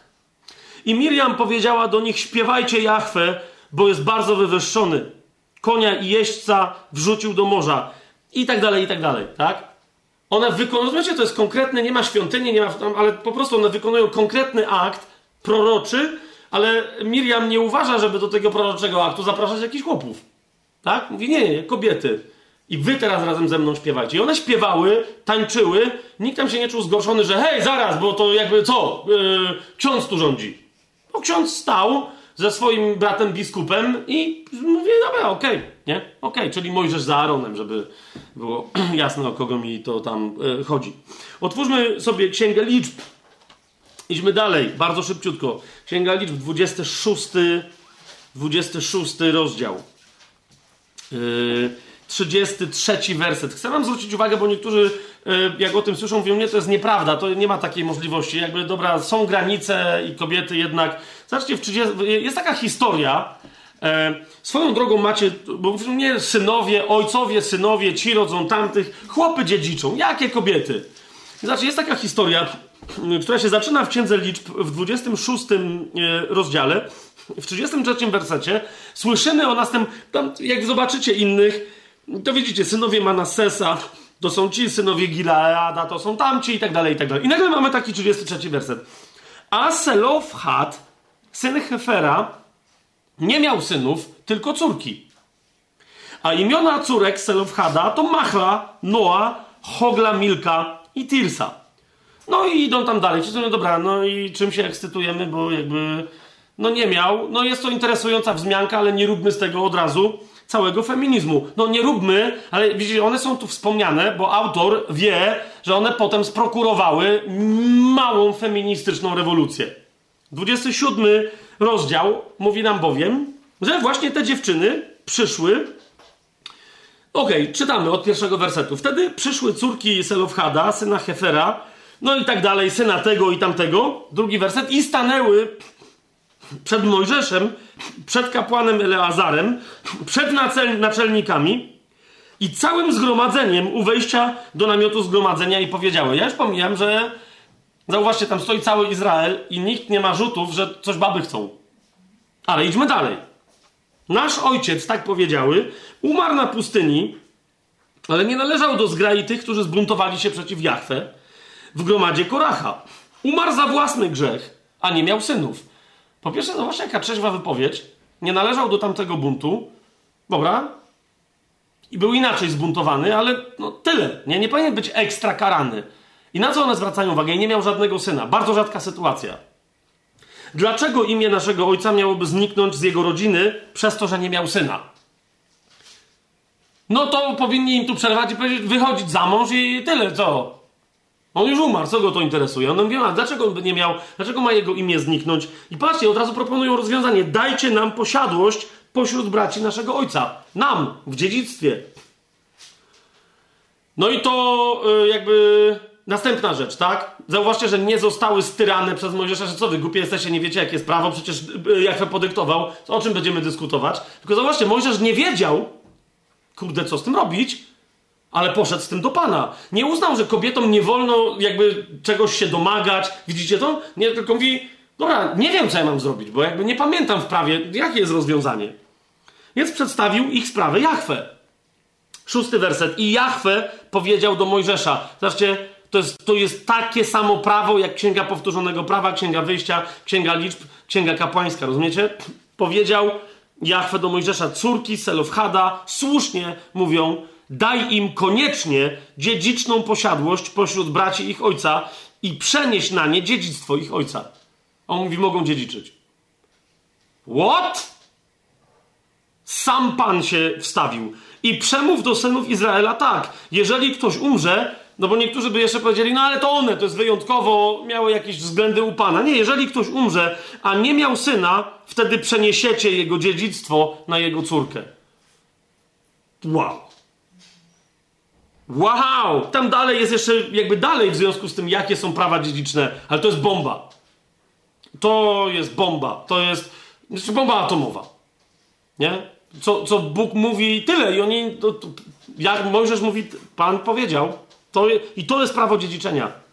Nie masz synów, córka dziedziczy tak samo jak, yy, jak gdyby dziedziczyli synowie. Z tego co pamiętam, na końcu yy, Księgi Liczb, w ostatnim, w 36 rozdziale, jeszcze jest powrót do tego, nie będziemy tego rozważać, ale jest powrót, żeby, je, rozumiecie, jeszcze raz jest podkreślone, tak powiedział e, Pan. Nie Mojżesz se to wymyślił, nie my na pustyni, to jest prawo pańskie, bezpośrednio z jego serca, z serca ojcowskiego pochodzące. To jest Księga Liczb, 36 rozdział, bo tam jest o dziedzictwie, o roku jubileuszowym. I, i, I, to jest 36 rozdział, 6 werset. Oto, co Jachwę rozkazał w sprawie córek Selofhada. Tak? Jeszcze raz, widzicie to? One wywołały temat, ale zauważcie, jaka kultura była, że w ogóle został podjęty ten temat i Pan dzięki temu yy, nie musiał ekstra interweniować, tylko po prostu w rozmowie z Mojżeszem wyjaśnił, dobra, tak się rzeczy mają. Genialne, co? Genialne. 20, yy, dobra, zostawmy to już. Księga Wyjścia, 21 rozdział, siódmy werset i dalej. No bo niektórzy mówią tak, no yy, tylko że ojcowie też jednak mogli sprzedać swoje córki jako niewolnice. 21 rozdział Księgi Wyjścia, siódmy werset i dalej. Jeżeli zaś ktoś sprzeda swoją córkę, aby była niewolnicą, nie odejdzie ona, jak odchodzą niewolnicy. Yy, no właśnie. Pierwsza rzecz, kontekst tamtych czasów, kochani, bo mi się nawet już nie chce tych takich rzeczy tłumaczyć. Yy, po, podobnie Żyd mógł sam siebie, Hebrajczyk, sam siebie sprzedać. Dlaczego? Ponieważ niewolnictwo i to sprzedanie kogoś jako niewolnika, kto był wolny i tak dalej, wynikało z czego? Z biedy. Nie, nie przychodził do ciebie komornik, nie było tych wszystkich dzisiejszych rozwiązań, tylko wtedy ludzie się sprzedawali. Prawo mojżeszowe natomiast, w odróżnieniu od... Bo ludzie, wiecie, potem przez wieki byli niewolnikami. A prawo mojżeszowe mówiło, jeżeli Żyd yy, i, sprzedaje się, bo ma długi i nie może ich oddać, sprzedaje się do pracy, to najdalej po siódmego roku, najdalej, czyli w najbliższym roku jubileuszowym ma być uwolniony, bo takie jest prawo. Czyli będzie pracować tyle. Dlatego wiecie, y, prędzej ludzie y, udzielali pożyczek, a potem spodziewali się długów zaraz po roku jubileuszowym niż tuż przed. No nie? Im bliżej było roku jubileuszowego, tym mniejsze pożyczki można było zaciągnąć. Bo było wiadomo, że jak za miesiąc czy dwa będzie rok jubileuszowy, no to ja ci mogę sobie stówkę pożyczyć na dwa tygodnie, nie? Za dwa tygodnie ja ci mówię stówkę oddaj, nam się coś szarpiemy, więc miesiąc straciliśmy, ale jeszcze miesiąc u mnie za friko popracujesz i to będzie moja stówka z powrotem, a potem jest rok jubileuszowy, wszystkiego najlepszego, z powrotem jesteśmy braćmi i sąsiadami, tak? I teraz właśnie o co chodzi, żeby nie było tak, że no ale to jest prawo dla chłopów, a co, bo niektórzy mówili, ok, ja muszę, tu mam coś innych, ale mogę ci córkę sprzedać, bo niektórzy mówili, to mnie interesuje, tak? Ona jest ładna, zresztą tam jest pewien kontekst, to ich też się tyczyło to samo prawo. I Hebrajczyka, i Hebrajczyków, tak? Do roku jubileuszowego, pamiętajcie. A właśnie, żeby kobiety nie były traktowane gorzej, jest wyraźnie, zobaczcie jeszcze raz, siódmy, y, bo czytamy siódmy werset i dalej. Jeżeli ktoś sprzeda swoją córkę, aby była niewolnicą, nie odejdzie ona, jak odchodzą niewolnicy. A więc nie, to nie jest to samo prawo. Żeby czasem komuś się nie uroiło we łbie, bo to chodzi o hebrajskie córki, tak? Jeżeli się nie spodoba swojemu, jeszcze następne widzisz, czyli on ją może wziąć jako niewolnicę, czyli służącą, ale po to, że nie jest pewny, czy, bo on by się chciał z nią ożenić ale nie wie, no nie? Może mu nie spasi, może coś tam. Jest to, to nie, ona nie do końca była oddawana, wiecie, jako właśnie to jest to, bo to jest wyjaśnienie, tak? Że dobra, ale pod warunkiem, no bo wiesz, bo ktoś, komuś innemu by się mogła spodobać, więc może bym od tamtego dostał posag, a ten mówi, ale byśmy tak coś popróbowali, pooglądali, no to jest fajnie, no nie? Tylko wtedy się z nią ożeń, ale jak się nie ożeni, jeżeli się nie spodoba swojemu panu, który zamierzał ją poślubić, niech pozwoli, aby została odkupiona. Czyli nadal po prostu na córce o to chodzi, że przez ten dziwny układ można byłoby lepiej zarobić niż no samemu no to poszedł pracować, tak? A wcale niekoniecznie ktoś chciał jego razem z jego rodziną. Więc było sensowniej. Jest to jasne, co ja w ogóle gadam teraz? Bo jakby byś powiedział, dobra, ty mi jesteś potrzebny, ale ty, a cała ta reszta twojej banczoni, ja nie mam roboty dla twojej żony i dla twoich dzieci, nie? No to może ci córkę oddam. I a, no okej, okay, okej, okay, to może jakoś inaczej byśmy to rozwiązali, nie? Ale jeżeli dalej nie ma prawa sprzedać jej, zauważcie, obcemu ludowi, ponieważ zrobiłby jej krzywdę. Dlaczego? No bo obcy lud nie, nie miał roku jubileuszowego. Tam by była niewolnicą na zawsze. Widzicie, co się tu dzieje? Teraz przyjrzyjcie się, co zrobili bracia. To jest prawo mojżeszowe, wtedy prawa mojżeszowego nie było, ale nadal, bo to, bo to jest wykwit ducha dalej. No nie zauważcie, co zrobili bracia Józefowi. Tak, nawiasem mu. Jeszcze mi, wtedy nie było tego prawa, ale. Ale. I dalej czytamy. A jeżeli przeznaczył ją dla swojego syna, czyli że ktoś ma taką niewolnicę, ale właśnie nie dla siebie, tylko mówi, dobra, bo ja mam małego syna, ale ja się jej będę przyglądał, czy ona nie jest głupia, a jak on trochę podrośnie, małego, no młodego, tak? E, bo ona też mogła być młoda. No to jak oni urosną, polubią się, okaże się, że to fajna dziobka jest, to niech to elegancko, to, to dla niego będzie. Więc jeżeli przeznaczył ją dla swojego syna, to postąpi z nią według prawa córek. Widzicie, co się dzieje? To nie jest niewolnica. Nie, nie przestępuj prawa pańskiego. I dalej, jeżeli weźmie sobie za żonę jeszcze inną, gdyby tą wziął, tak? Bo to chodzi o to, że gdyby jednak nie umniejszy tej pożywienia, jej ubrania, ani prawa małżeńskiego. Bo powie, dobra, ale to było w wyniku długu, tą miałem, a ta mi się bardzo podobała i ta jest przeze mnie niezwykle ukochana, tak? Bo tą sobie wybrałem z serca, a ta była przy okazji z rabatem, nie? To Prawo Boże mówi, o nie, o nie, dziaduwo, do chłopa, nie, nie, do, nie, nie, nie, masz ją traktować, nie ma czegoś takiego. Czujecie, jaka tu y, rewolucja nie tylko zawisła w powietrzu, ale została przeprowadzona, kulturowa? To jest szoker. To jest szok. Dla mnie to jest szoker. Księga y, liczb. Wróćmy do księgi y, liczb. Księga liczb 30. 30 rozdział od drugiego wersetu. Niektórzy mówią, że to do tych fragmentów, które teraz wam przeczytam, że to do tych fragmentów e, odwołuje się Paweł, kiedy mówi, że kobiety nie, mają milczeć nie, w zgromadzeniu albo się spytać męża, bo i tak jakby ich mowa jest bezowocna. Nie sądzę, ja tu trochę tego nie widzę, no nie? Mm, no ale dobra, co tu jest powiedziane? Bo niektórzy mówią, nie, tu kobiety są traktowane jak idiotki. No przyjrzyjmy się, 30 rozdział, Księga Liczb, drugi werset. Jeżeli mężczyzna złoży ślub Y, Jachwę lub przysięgę i zwiąże swoją duszę zobowiązaniem, to nie złamie swojego słowa. Wypełni wszystko według tego, co wyszło z jego ust. Proste? Proste.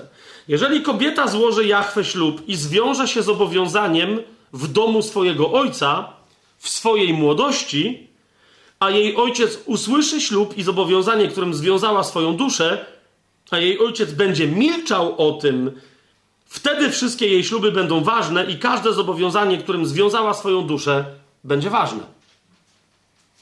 Chodzi o to, że wiecie, jeżeli ojciec był zobowiązany do wielu rzeczy, jak tu teraz słyszymy, a córka by zrobiła coś w sprzeczności z jego zobowiązaniami, to byłby nonsens, tak?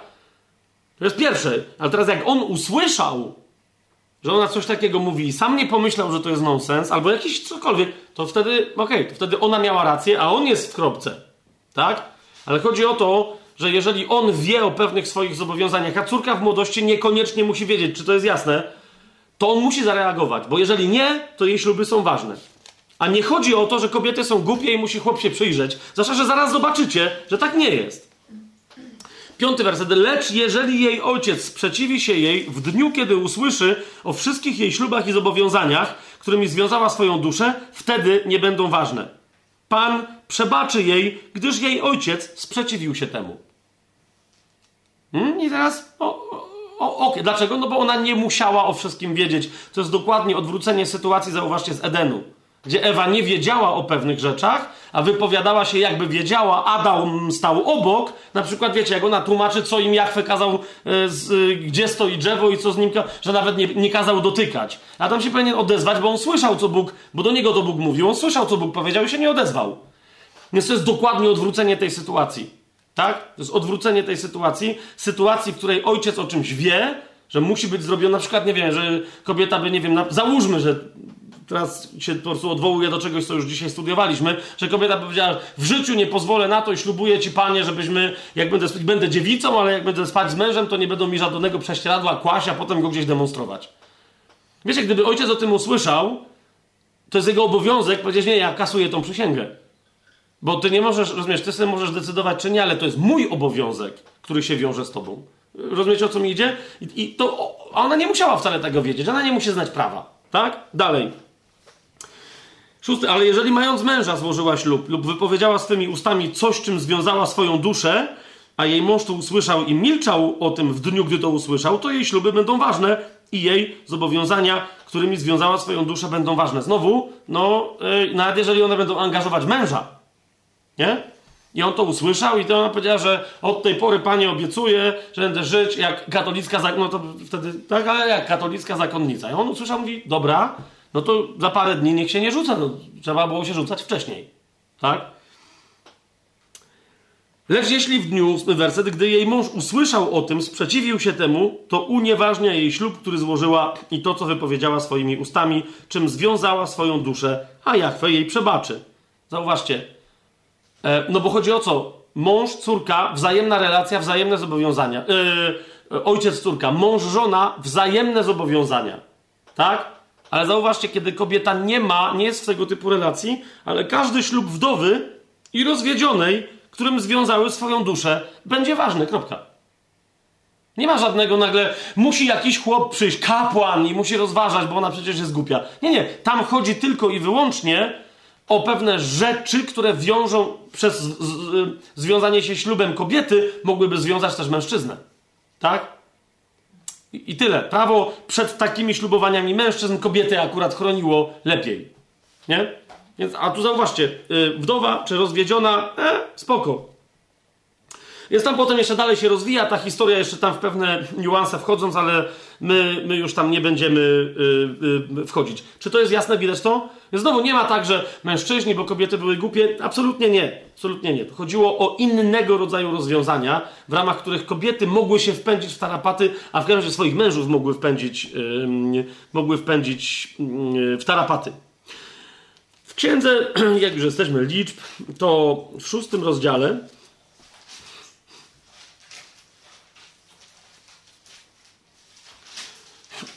z innej znowu strony, jak już o tym mówimy, o składaniu ślubów, zauważcie, że no niektórzy mówią o Nazirejczykach, że potem wiecie, że tam gorili głowy, coś tam robili i tak dalej. Zauważcie, że nawet do takiej formy oddania się Jachwę, jak śluby nazirejskie, były zaproszone zaproszone kobiety tak samo jak mężczyźni. To nie jest nieprawda, jak niektórzy mówią, że śluby nazirej, że to były śluby nazirejczyka.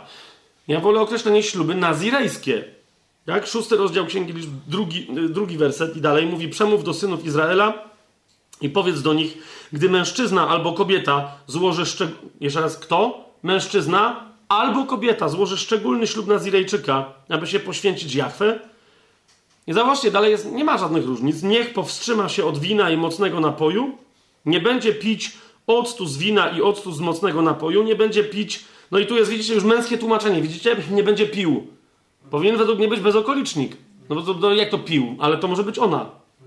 Jak to nie będzie piła, to nie będzie pić żadnego soku z winogroni, nie będzie jeść winogron ani świeżych, ani suszonych. Przez wszystkie dni swojego oddzielenia nie będzie jeść niczego, co pochodzi z winorośli, od ziarenka, i tak dalej. Piąty werset. Przez wszystkie dni ślubu swojego oddzielenia brzytwa nie dotknie jego głowy, ale też jej głowy. Tak? Głowy takiej osoby. Dopóki nie wypełni się czas, na który poświęcił się lub poświęciła się Jachwę. Będzie święty albo święta i, i te osoby zapuszczą włosy na swojej głowie. Potem zaznaczam, że przychodzi moment, kiedy nazirejska osoba, czy mężczyzna, czy kobieta mają się ogolić. Tak swoją drogą a propos zakrywania głowy i a propos yy, tego, jak Paweł pisze o tym, że jak kobieta nie chce zakrywać głowy, to niech się też ogoli. Bardzo interesujące, bo tu widać wyraźnie, że jest pozwolenie dla kobiety, żeby się ogoliła w ramach końca ślubów nazirejskich. Nie będę dalej tego... Yy, dalej tego mm, yy, czytać i rozważać, ale no wiecie o co mi chodzi, tak? Tak? Kobiety i mężczyźni. Dalej, Księga Kapłańska, 19 yy, rozdział. Yy, a propos tego, gdyby ktoś właśnie pomyślał sobie, że skoro może sprzedać córkę, to może jeszcze co innego by zrobił. Jest bardzo wyraźnie wśród najgorszych grzechów czarów i tak dalej, jest wymieniony 19 rozdział, 29 werset. Niech ci nawet nie przyjdzie do głowy, ja bym tak to powiedział, tu jest coś takiego napisane. Nie będziesz hańbił swojej córki, nakłaniając ją do nierządu, aby ziemia nie uległa nierządowi i nie, nie napełniła się rozpustą. Nie będziesz hańbił swojej córki, nakłaniając ją do nierządu. Więc żeby zarabiała dla siebie w ten sposób, albo dla ciebie, albo dla waszej rodziny yy, pieniądze. Yy, w Księdze Rodzaju to jest 19 rozdział yy, Księgi Kapłańskiej, 29 werset, tak? W Księdze Rodzaju w 19 w 19 rozdziale. Tak wam tylko przypomnę, bo widzicie, prawo mojżeszowe mówi, nie będziesz nakłaniać swojej córki. Nie, na, na, nawet nie, tam, nawet rozumiecie, prawodawca Boże tam nawet nie pozwala Mojżeszowi, to nie ma, że, rozumiesz, nie pomyśl o tym, że ty byś mógł ją komuś dać jako prostytutkę. Sprzedać na noc, czy nie nawet, rozumiesz, ale ty nie masz prawa nawet jej nakłaniać, żeby ona tego typu decyzję podjęła. Zobaczcie, co w, przed prawem mojżeszowym się działo, w tych układach, gdzie kobietom nie było źle, no ale jak przechodziło co do czego, 19 rozdział, pamiętacie Lota? Którego tam homoseksualiści lokalni y, przeatakowali, że do niego przyszło dwóch pięknych mężczyzn i chcieliby spróbować.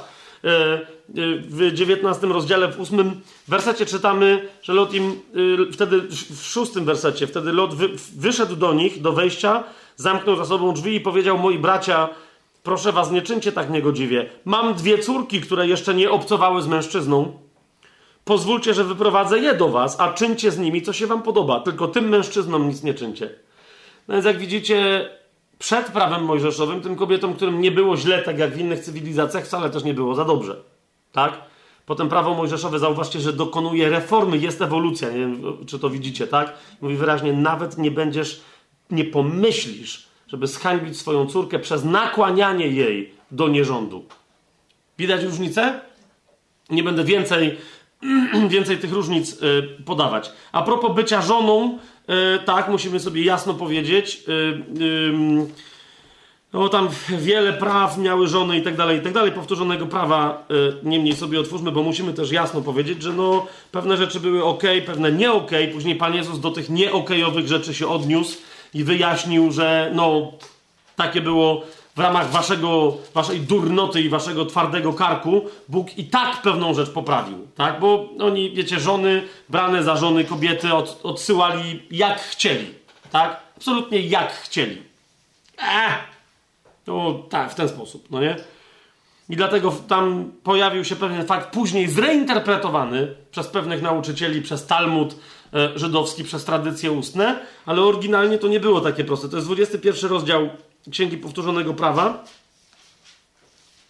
Dziesiąty werset. Najpierw od tego zacznę, że niektórzy też jakieś takie koncepcje mają, że tam pamiętam, że jak mówiliśmy, mieliśmy temat e, małżeństwo i tak dalej, ja powiedziałem, że e, od początku małżeństwo jest związkiem jednej kobiety z jednym mężczyzną, żony z mężem i tak dalej, tak? E, I tam się odwołałem do tego, że praktyka, w pewnym momencie musiałem tam coś wspomnieć o tym, że praktyka była raczej monogamiczna, ale też wspomniałem o tym, że niestety poligamia była dopuszczana, w sensie posiadanie wielu żon. Tak? I nie jest prawdą, e, jak niektórzy twierdzą, że prawo mojżeszowe tego zabraniało. Wcale nie zabraniało, to jest jeden z przykładów, zobaczcie tutaj, tak? Tyle tylko, że to prawo tyczące się e, wielożeństwa nadal porządkowało ten temat. To jest 21 rozdział e, Księgi Powtórzonego Prawa. Od 10 wersetu będziemy czytać. Gdy wyruszysz na wojnę przeciwko swoim wrogom i Jachwę Twój Bóg wyda ich w Twoje ręce, to znaczy pozabijasz tych wrogów, żebyśmy mieli jasność, i weźmiesz z nich jeńców, to znaczy pozabijasz mężczyzn, ale nie pozabijasz y, kobiet i dzieci. Tak? I zobaczysz wśród tych jeńców piękną kobietę, którą sobie upodobasz i chciałbyś pojąć ją za żonę, wtedy przyprowadzisz ją do swojego domu, a ona ogoli swoją głowę i obetnie sobie paznokcie. Jeszcze raz zwracam wam uwagę na kontekst golenia głowy przez kobietę. Ok? Co to znaczy, że ona tu, co się tu dzieje? No czytamy dalej. I złoży z siebie szatę, w której została pojmana, zostanie w twoim domu i będzie opłakiwać swojego ojca i matkę przez cały miesiąc. To jest pierwsze ogolenie głowy przez kobietę. Tak? Idziemy dalej. Potem będziesz z nią obcował i będziesz jej mężem, a ona będzie twoją żoną. A jeśli nie będzie ci się podobać, wtedy pozwolisz jej odejść dokąd zechce. Bo to jest poganka. Znaczy, jeszcze raz. No właśnie, no nie, teraz jeszcze nie chcę. Bo to może być Żydówka, to może być poganka. Okej, okay. dlaczego? Dobra. Dokąd żadną miarą nie sprzedasz jej za pieniądze i nie będziesz nią kupczyć, gdyż ją poniżyłeś. Nie czy widzicie to? Albo ją traktujesz jak żonę, ale, ale możesz córkę w ramach pewnych ekonomicznych rozwiązań, ale z żoną nie możesz tak zrobić. Nie będziesz kupczyć żoną, tak? Albo ją uwolnisz, wtedy niech ona robi co chce, ale y, to nie jest twoja niewolnica. Ona, jeżeli ty z jeńca zrobiłeś ją żoną, to to kończy jej yy, jeniectwo. Tak? Gdyby mężczyzna miał dwie żony, jedną, o tu właśnie, bo tu jest interesująca historia, jak na przykład, no właśnie, miał jedną, no bo dostał ją w ramach rozwiązań ekonomicznych, a druga mu się podobała, tą pierwszą trochę znienawidził, bo myślał, że będzie fajna, a w tamtej drugiej się zakochał. Teraz zauważcie, co, co na to mówi Pan. Chłopie, bierz odpowiedzialność wtedy, za nie, kobieta nie może na tym ucierpieć. Patrzcie, co się dzieje. Gdyby mężczyzna miał dwie żony, jedną kochaną, a drugą znienawidzoną, i one urodzą mu synów, kochana i znienawidzona, a pierworodny będzie synem znienawidzonej, to gdy ten ojciec będzie przydzielał dobra swoim synom w dziedzictwo, nie będzie mógł ustanowić pierworodnym syna kochanej przed pierworodnym synem znienawidzonej. Jeżeli, wiecie, yy, z tą miał najpierw syna, a potem przyszła następna i tą drugą bardziej pokochał, a tą znienawidził. Bóg mówi, nie, nie będziesz cudował. Pierworodny jest pierworodny i nieważne, że tej kobiety nie lubisz ale za pierworodnego uzna syna znienawidzonej, uważajcie, dając mu podwójną część wszystkiego, co ma, gdyż on jest początkiem jego siły i jemu przysługuje prawo pierworództwa. Twoje relacje z żoną, z kimś i tak dalej muszą być sprawiedliwe. Masz dwie żony, bo zauważcie, prawo wyraźnie to mówi, możesz mieć dwie żony. Widzicie to? Ale nadal musisz je traktować sprawiedliwie, także w odniesieniu do ich dzieci, tak? Dla, pamiętajcie też o tym kontekście, że dla kobiety dzieci, a zwłaszcza synowie, a zwłaszcza synowie pierworodni, byli ich, y, to były ich atuty.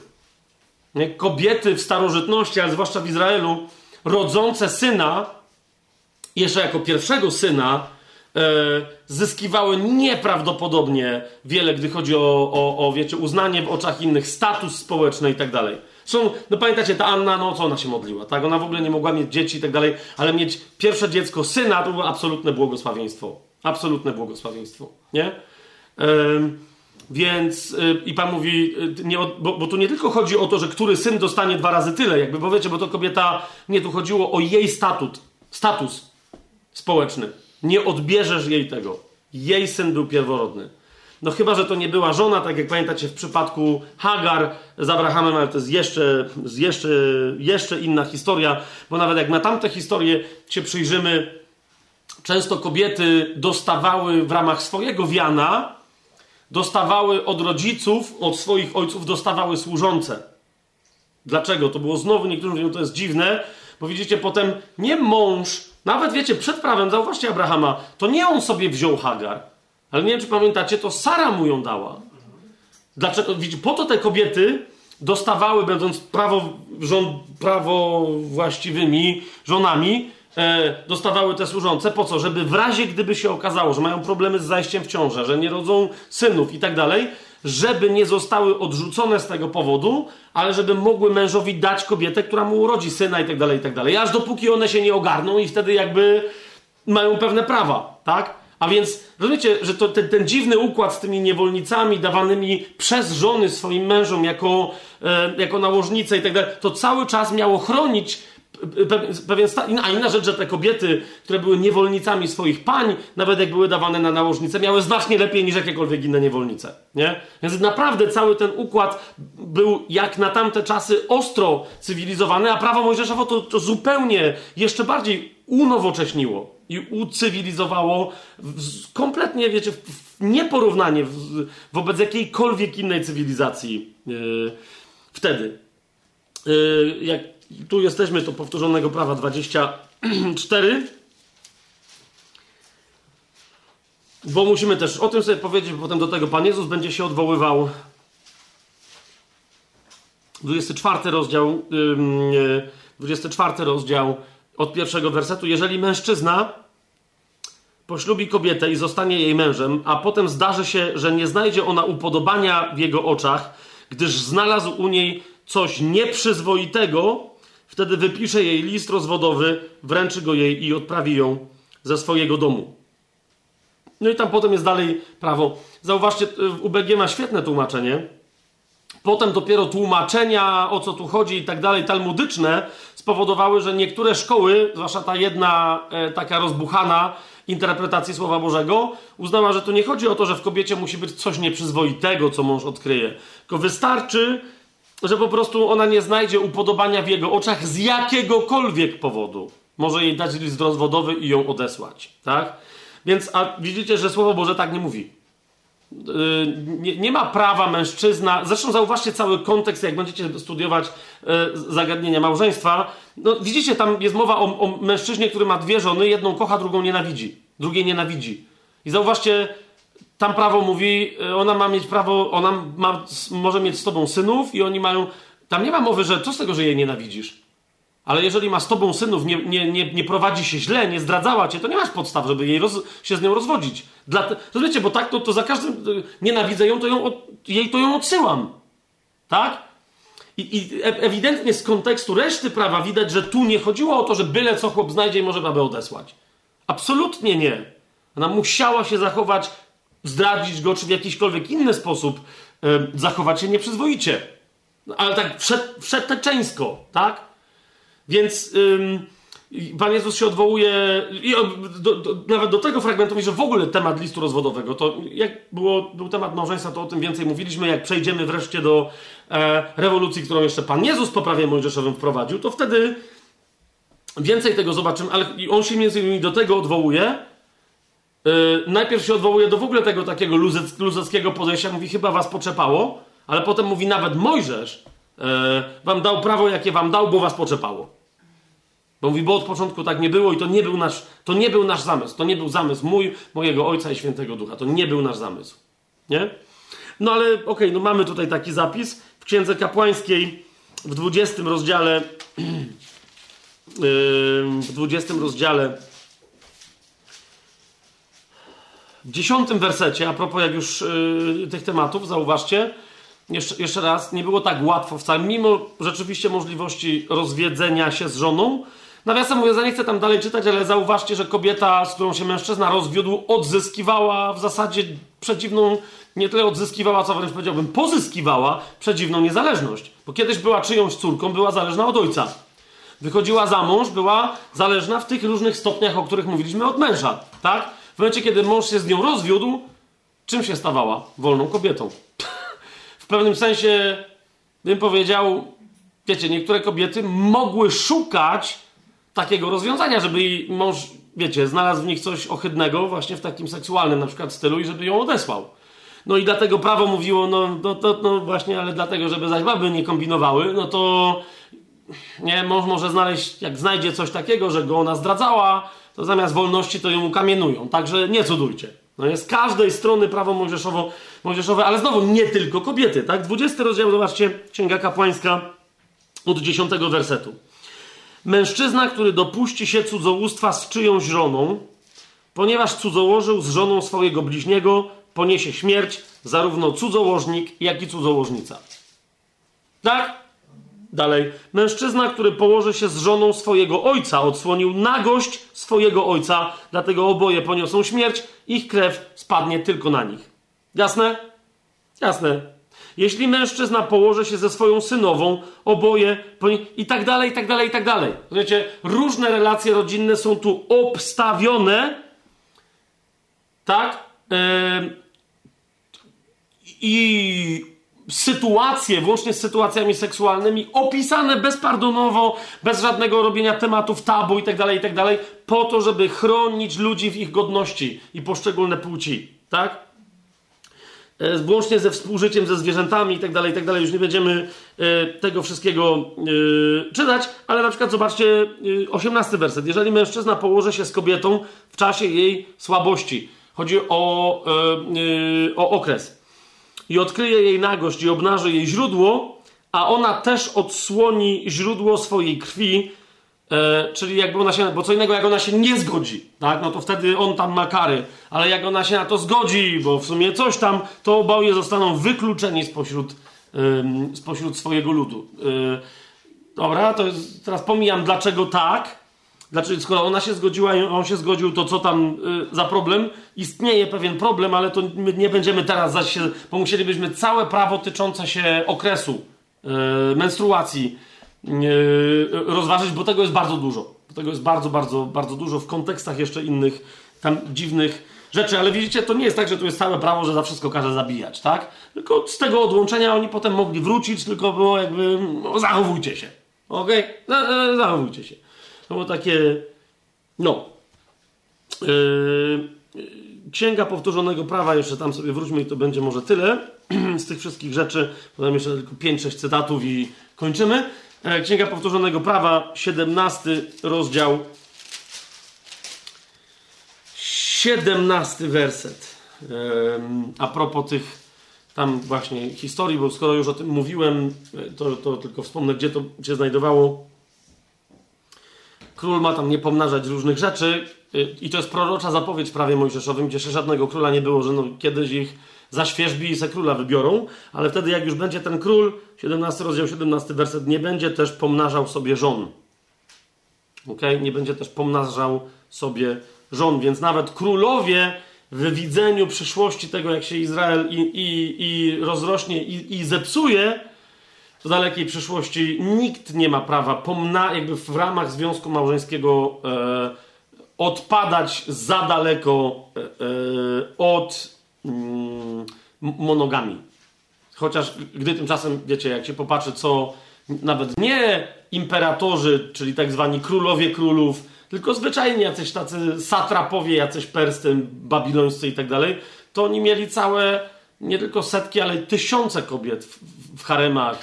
Jakby, więc w tym kontekście, jak tu Słowo Boże powiedziało, że nawet jak będziecie mieli nie wiem jakiego króla, nie może sobie mnożyć żon yy, i nie ma mowy o żadnych yy, tam jakichś, wiecie, że sobie może mnożyć na łożnicę, to wtedy postawa Salomona czy Dawida, czy jeszcze tam paru innych yy, nie jest żadnym, wiecie, nie jest żadnym wzorcem. Tak? To tylko pokazuje fakt, że się oddalili od Słowa Bożego i od tego, co Słowo Boże w prawie im zapowiadało. Czy to jest jasne?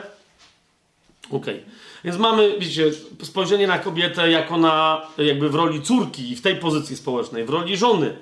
E, jako matkę też troszeczkę e, jakby sobie pokazaliśmy, ale zobaczmy na przykład księgę kapłańską e, Leviticus, czyli trzeci, trzecią księgę mojżeszową. Rozdział 19 werset trzeci. To, to jest kolej. Ja, ja, wiem, że wszyscy znają te przekazania i tak dalej, czyli e, czci ojca swego i matkę swoją, e, ale chcę wam pokazać, zanim do ich brzmienia dojdziemy, e, rzecz, która nie, nie, należy, zdanie, które nie należy do e, dekalogu jednej czy drugiej wersji.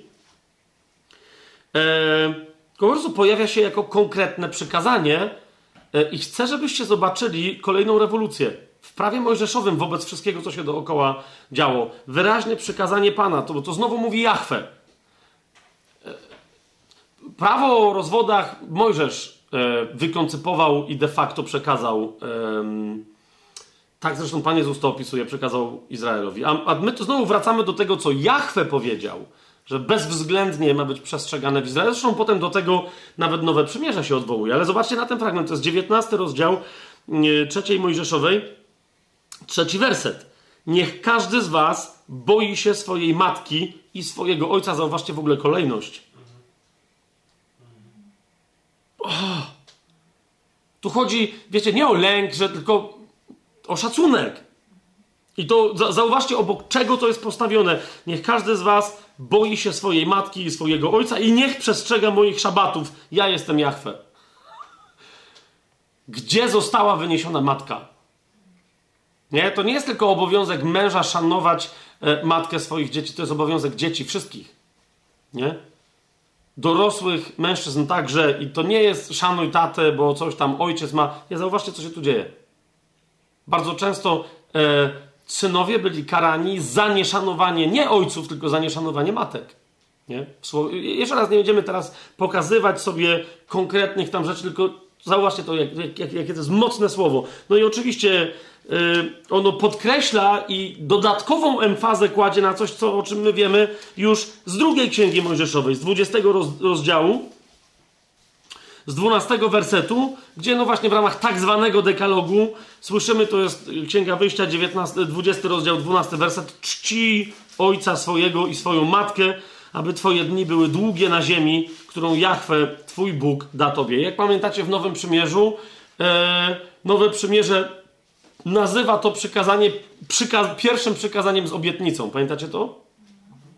Więc jakby mówi, to jest nadal bardzo cenne. Nie dlatego, że my jesteśmy pod prawem, tylko dlatego, że prawo o wielu bardzo interesujących, cennych, zgodnych z wolą Bożą uniwersalnie rzeczach mówiło. Tak? Księga Powtórzonego Prawa, potem jeszcze, yy, czyli ostatnia księga Mojżeszowa, jak sama nazwa wskazuje, powtórzonego prawa, z tego o czym już słyszeliśmy, znowu w piątym rozdziale, yy, w szesnastym wersecie,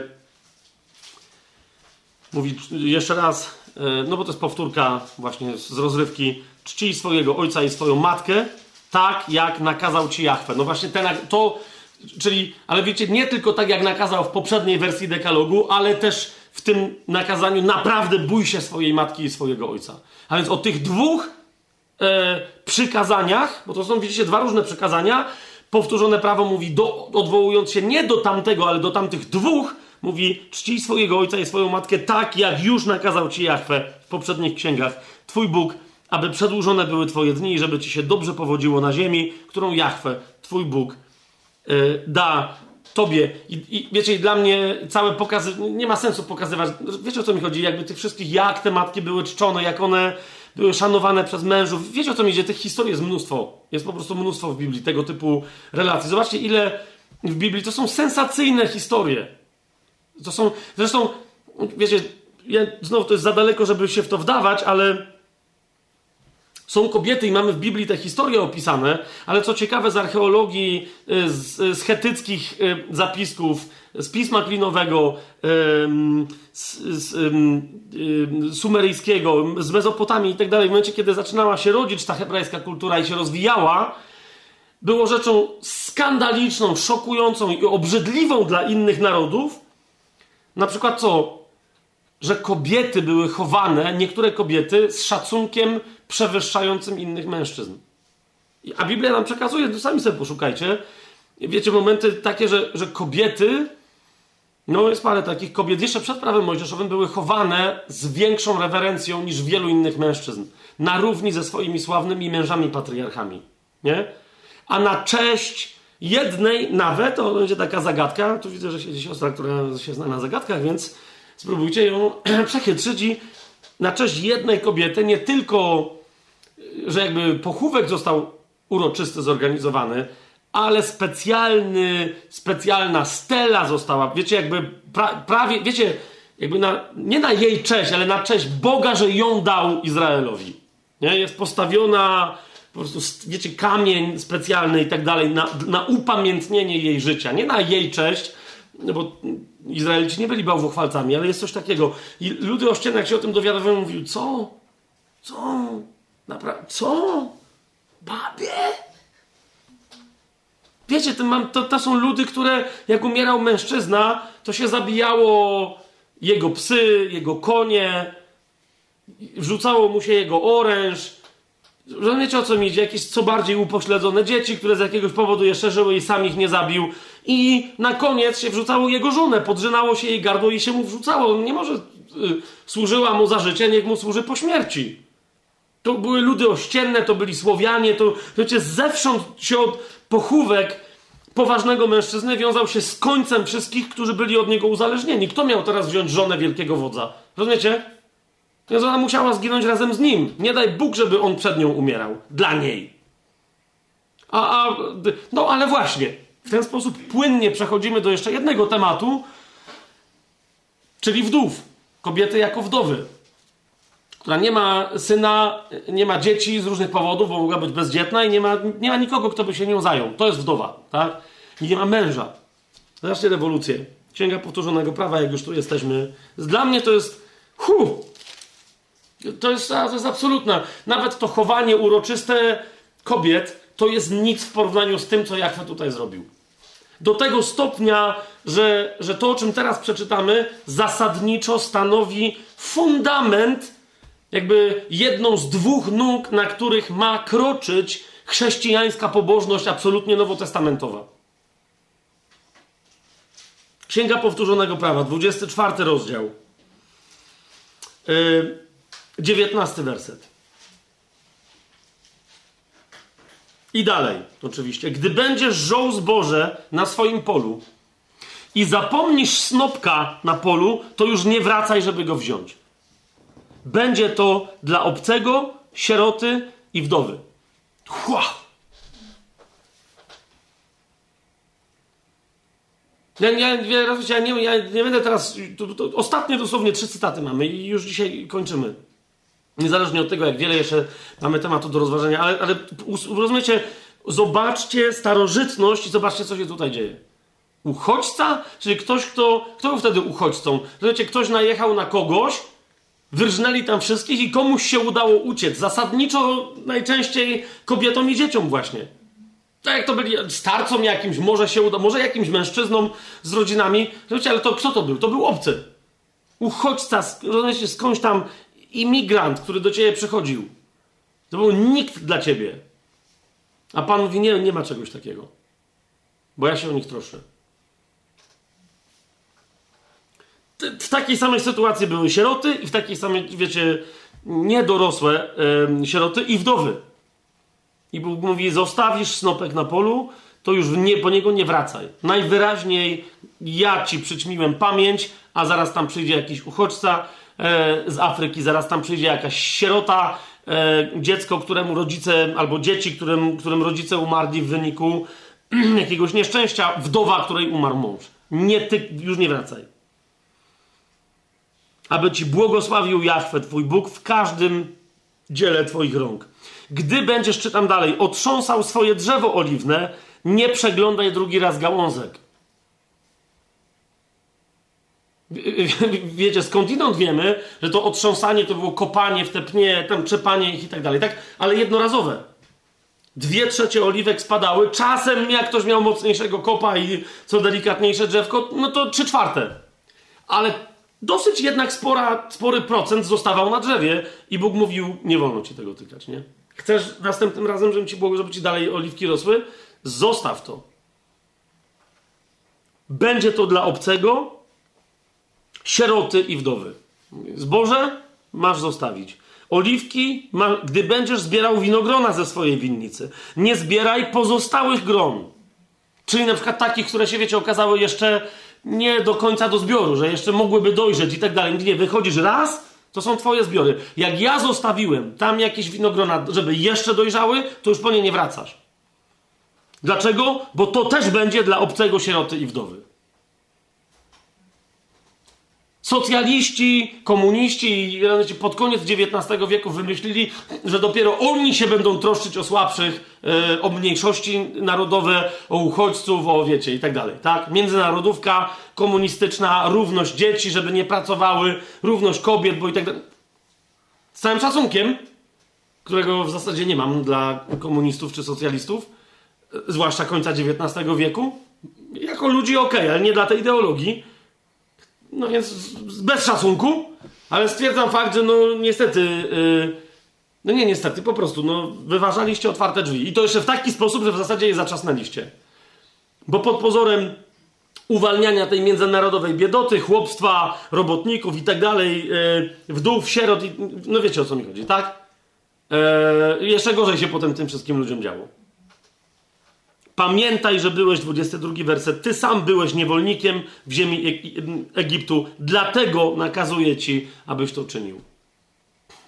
Dałem ci pewne doświadczenie i ty się do niego. To, że ci się teraz zaczęło robić dobrze, właśnie jak ludziom szybko się zmieniają ideologie, jak na chwilę myślą, że sami osiągnęli dobrobyt, który akurat im się przydarzył. Popatrzcie teraz na Polskę. Tak? A na pewne klimaty, które miały miejsce, tematy, które chodziły w przestrzeni publicznej, problemy, które ludzi zajmowały nawet 30 lat temu. Już po komunizmie, już pomijam w komunizmie. Nie? Dalej. Jak już tu jesteśmy, powtórzonego prawa. 26 rozdział.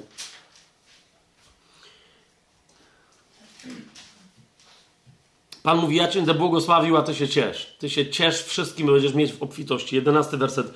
Będziesz się radował ze wszystkich dóbr, które Jachwę, twój Bóg, dał tobie i twojemu domowi. Ty, Lewita i przybysz, przybysz, który jest pośród ciebie. Co, co, co? Lewita? No tak, no bo lewici nie mają działu, z nimi się trzeba powiedzieć, jaki przybysz, przybysz, co się dzieje?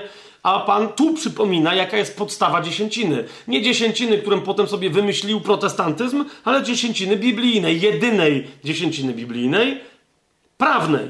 Bo jeszcze była spontaniczna, na przykład, że Abraham dał yy, dziesięcinę z pewnych nieregularnych, tylko jednorazowo zdobytych łupów, jak pamiętacie, i ją przekazał Melchizedekowi. Tak? Ale taka prawnie nałożona, i Pan mówi, potrzebuję twojej dziesięciny. Ale ja potrzebuję, ja, ja chcę, nie, ja potrzebuję, żebyś ty był wrażliwy społecznie. Że się tak nowocześnie wyrażę.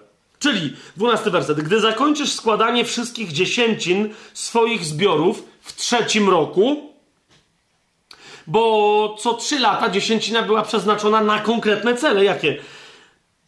Gdy oddasz je lewicie, przybyszowi, sierocie oraz wdowie, aby najedli się dosyta w Twoich bramach. Wtedy powiesz przed Panem, Twoim Bogiem, wziąłem z domu to, co jest poświęcone i dałem też z tego lewicie, przybyszowi, sierocie oraz wdowie zgodnie ze wszystkimi Twoimi przykazaniami, które mi nakazałeś. Nie przekroczyłem Twoich przykazań, ani nie zapomniałem ich. Lewita, no jasno, obsługuje świątynię, nie ma swojego, wiecie, swoich pól, nieruchomości, w związku z tym, okej, okay ale kto następnie przybysza, przy, przybysz i przybyszka, sierota i wdowa? Co trzy lata dziesięciny były wyraźnie temu. Wyobraźcie sobie, jakie to są pieniądze. Ok?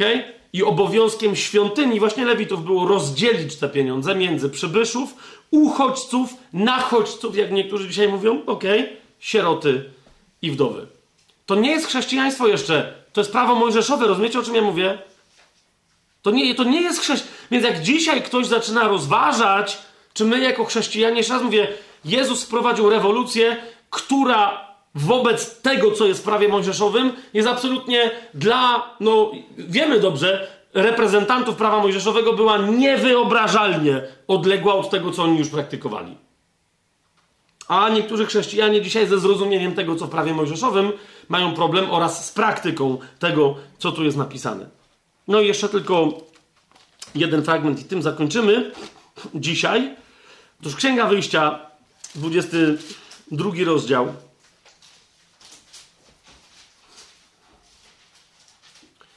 To nie jest tylko kwestia wsparcia dla przybysza, sieroty i wdowy, ale zwłaszcza chodzi mi o kobiety. Niemniej, wiecie, wdowy, no, chodzi o takie kobiety, które spadły, spadłyby w innych cywilizacjach i kulturach najniżej, jak tylko się da społecznie. Zauważcie, co się dzieje. Nie tylko masz je wspierać, ale 22 rozdział. Księga Wyjścia.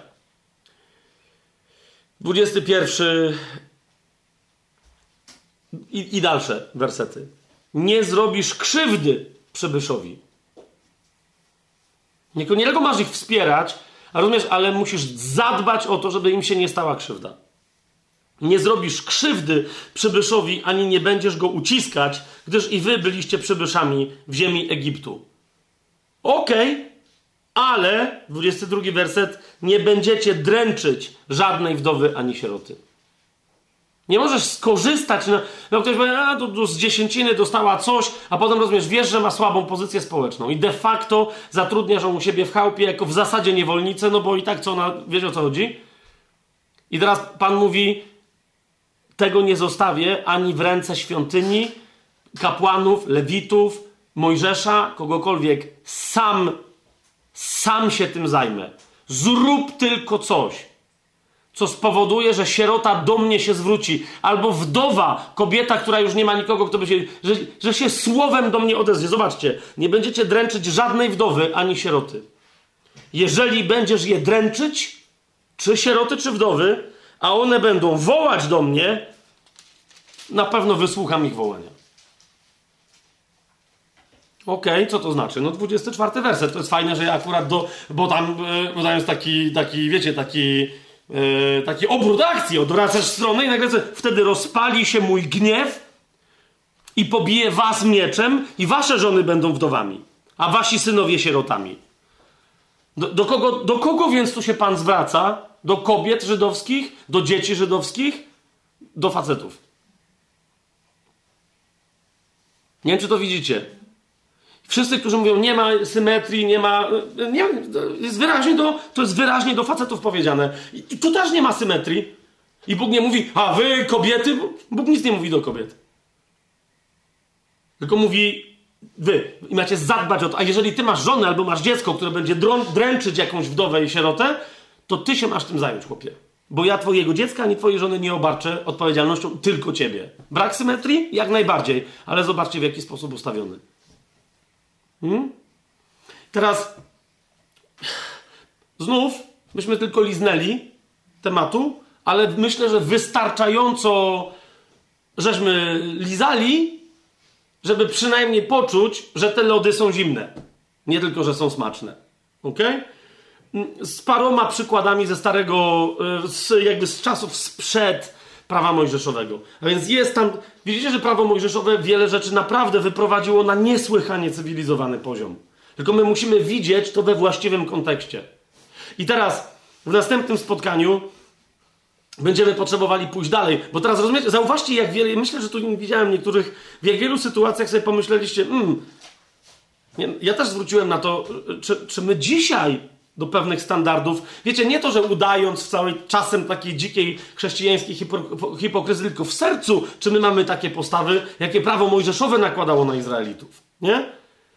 Następnym razem przyjrzymy się, jaka była postawa Jezusa, jaka była postawa Kościoła, a więc ciała Chrystusa, społeczności uczniów Jezusa, dla których On dla nas jest drogą, prawdą yy, i życiem. Po co? Po to, żebyśmy zobaczyli standard, do którego następnie porównamy dzisiejszą sytuację yy, yy, ciała Chrystusa, ko kościoła, nauczania w kościele, realnej dyscypliny w kościele, no i teologii, która usprawiedliwia pewne rzeczy.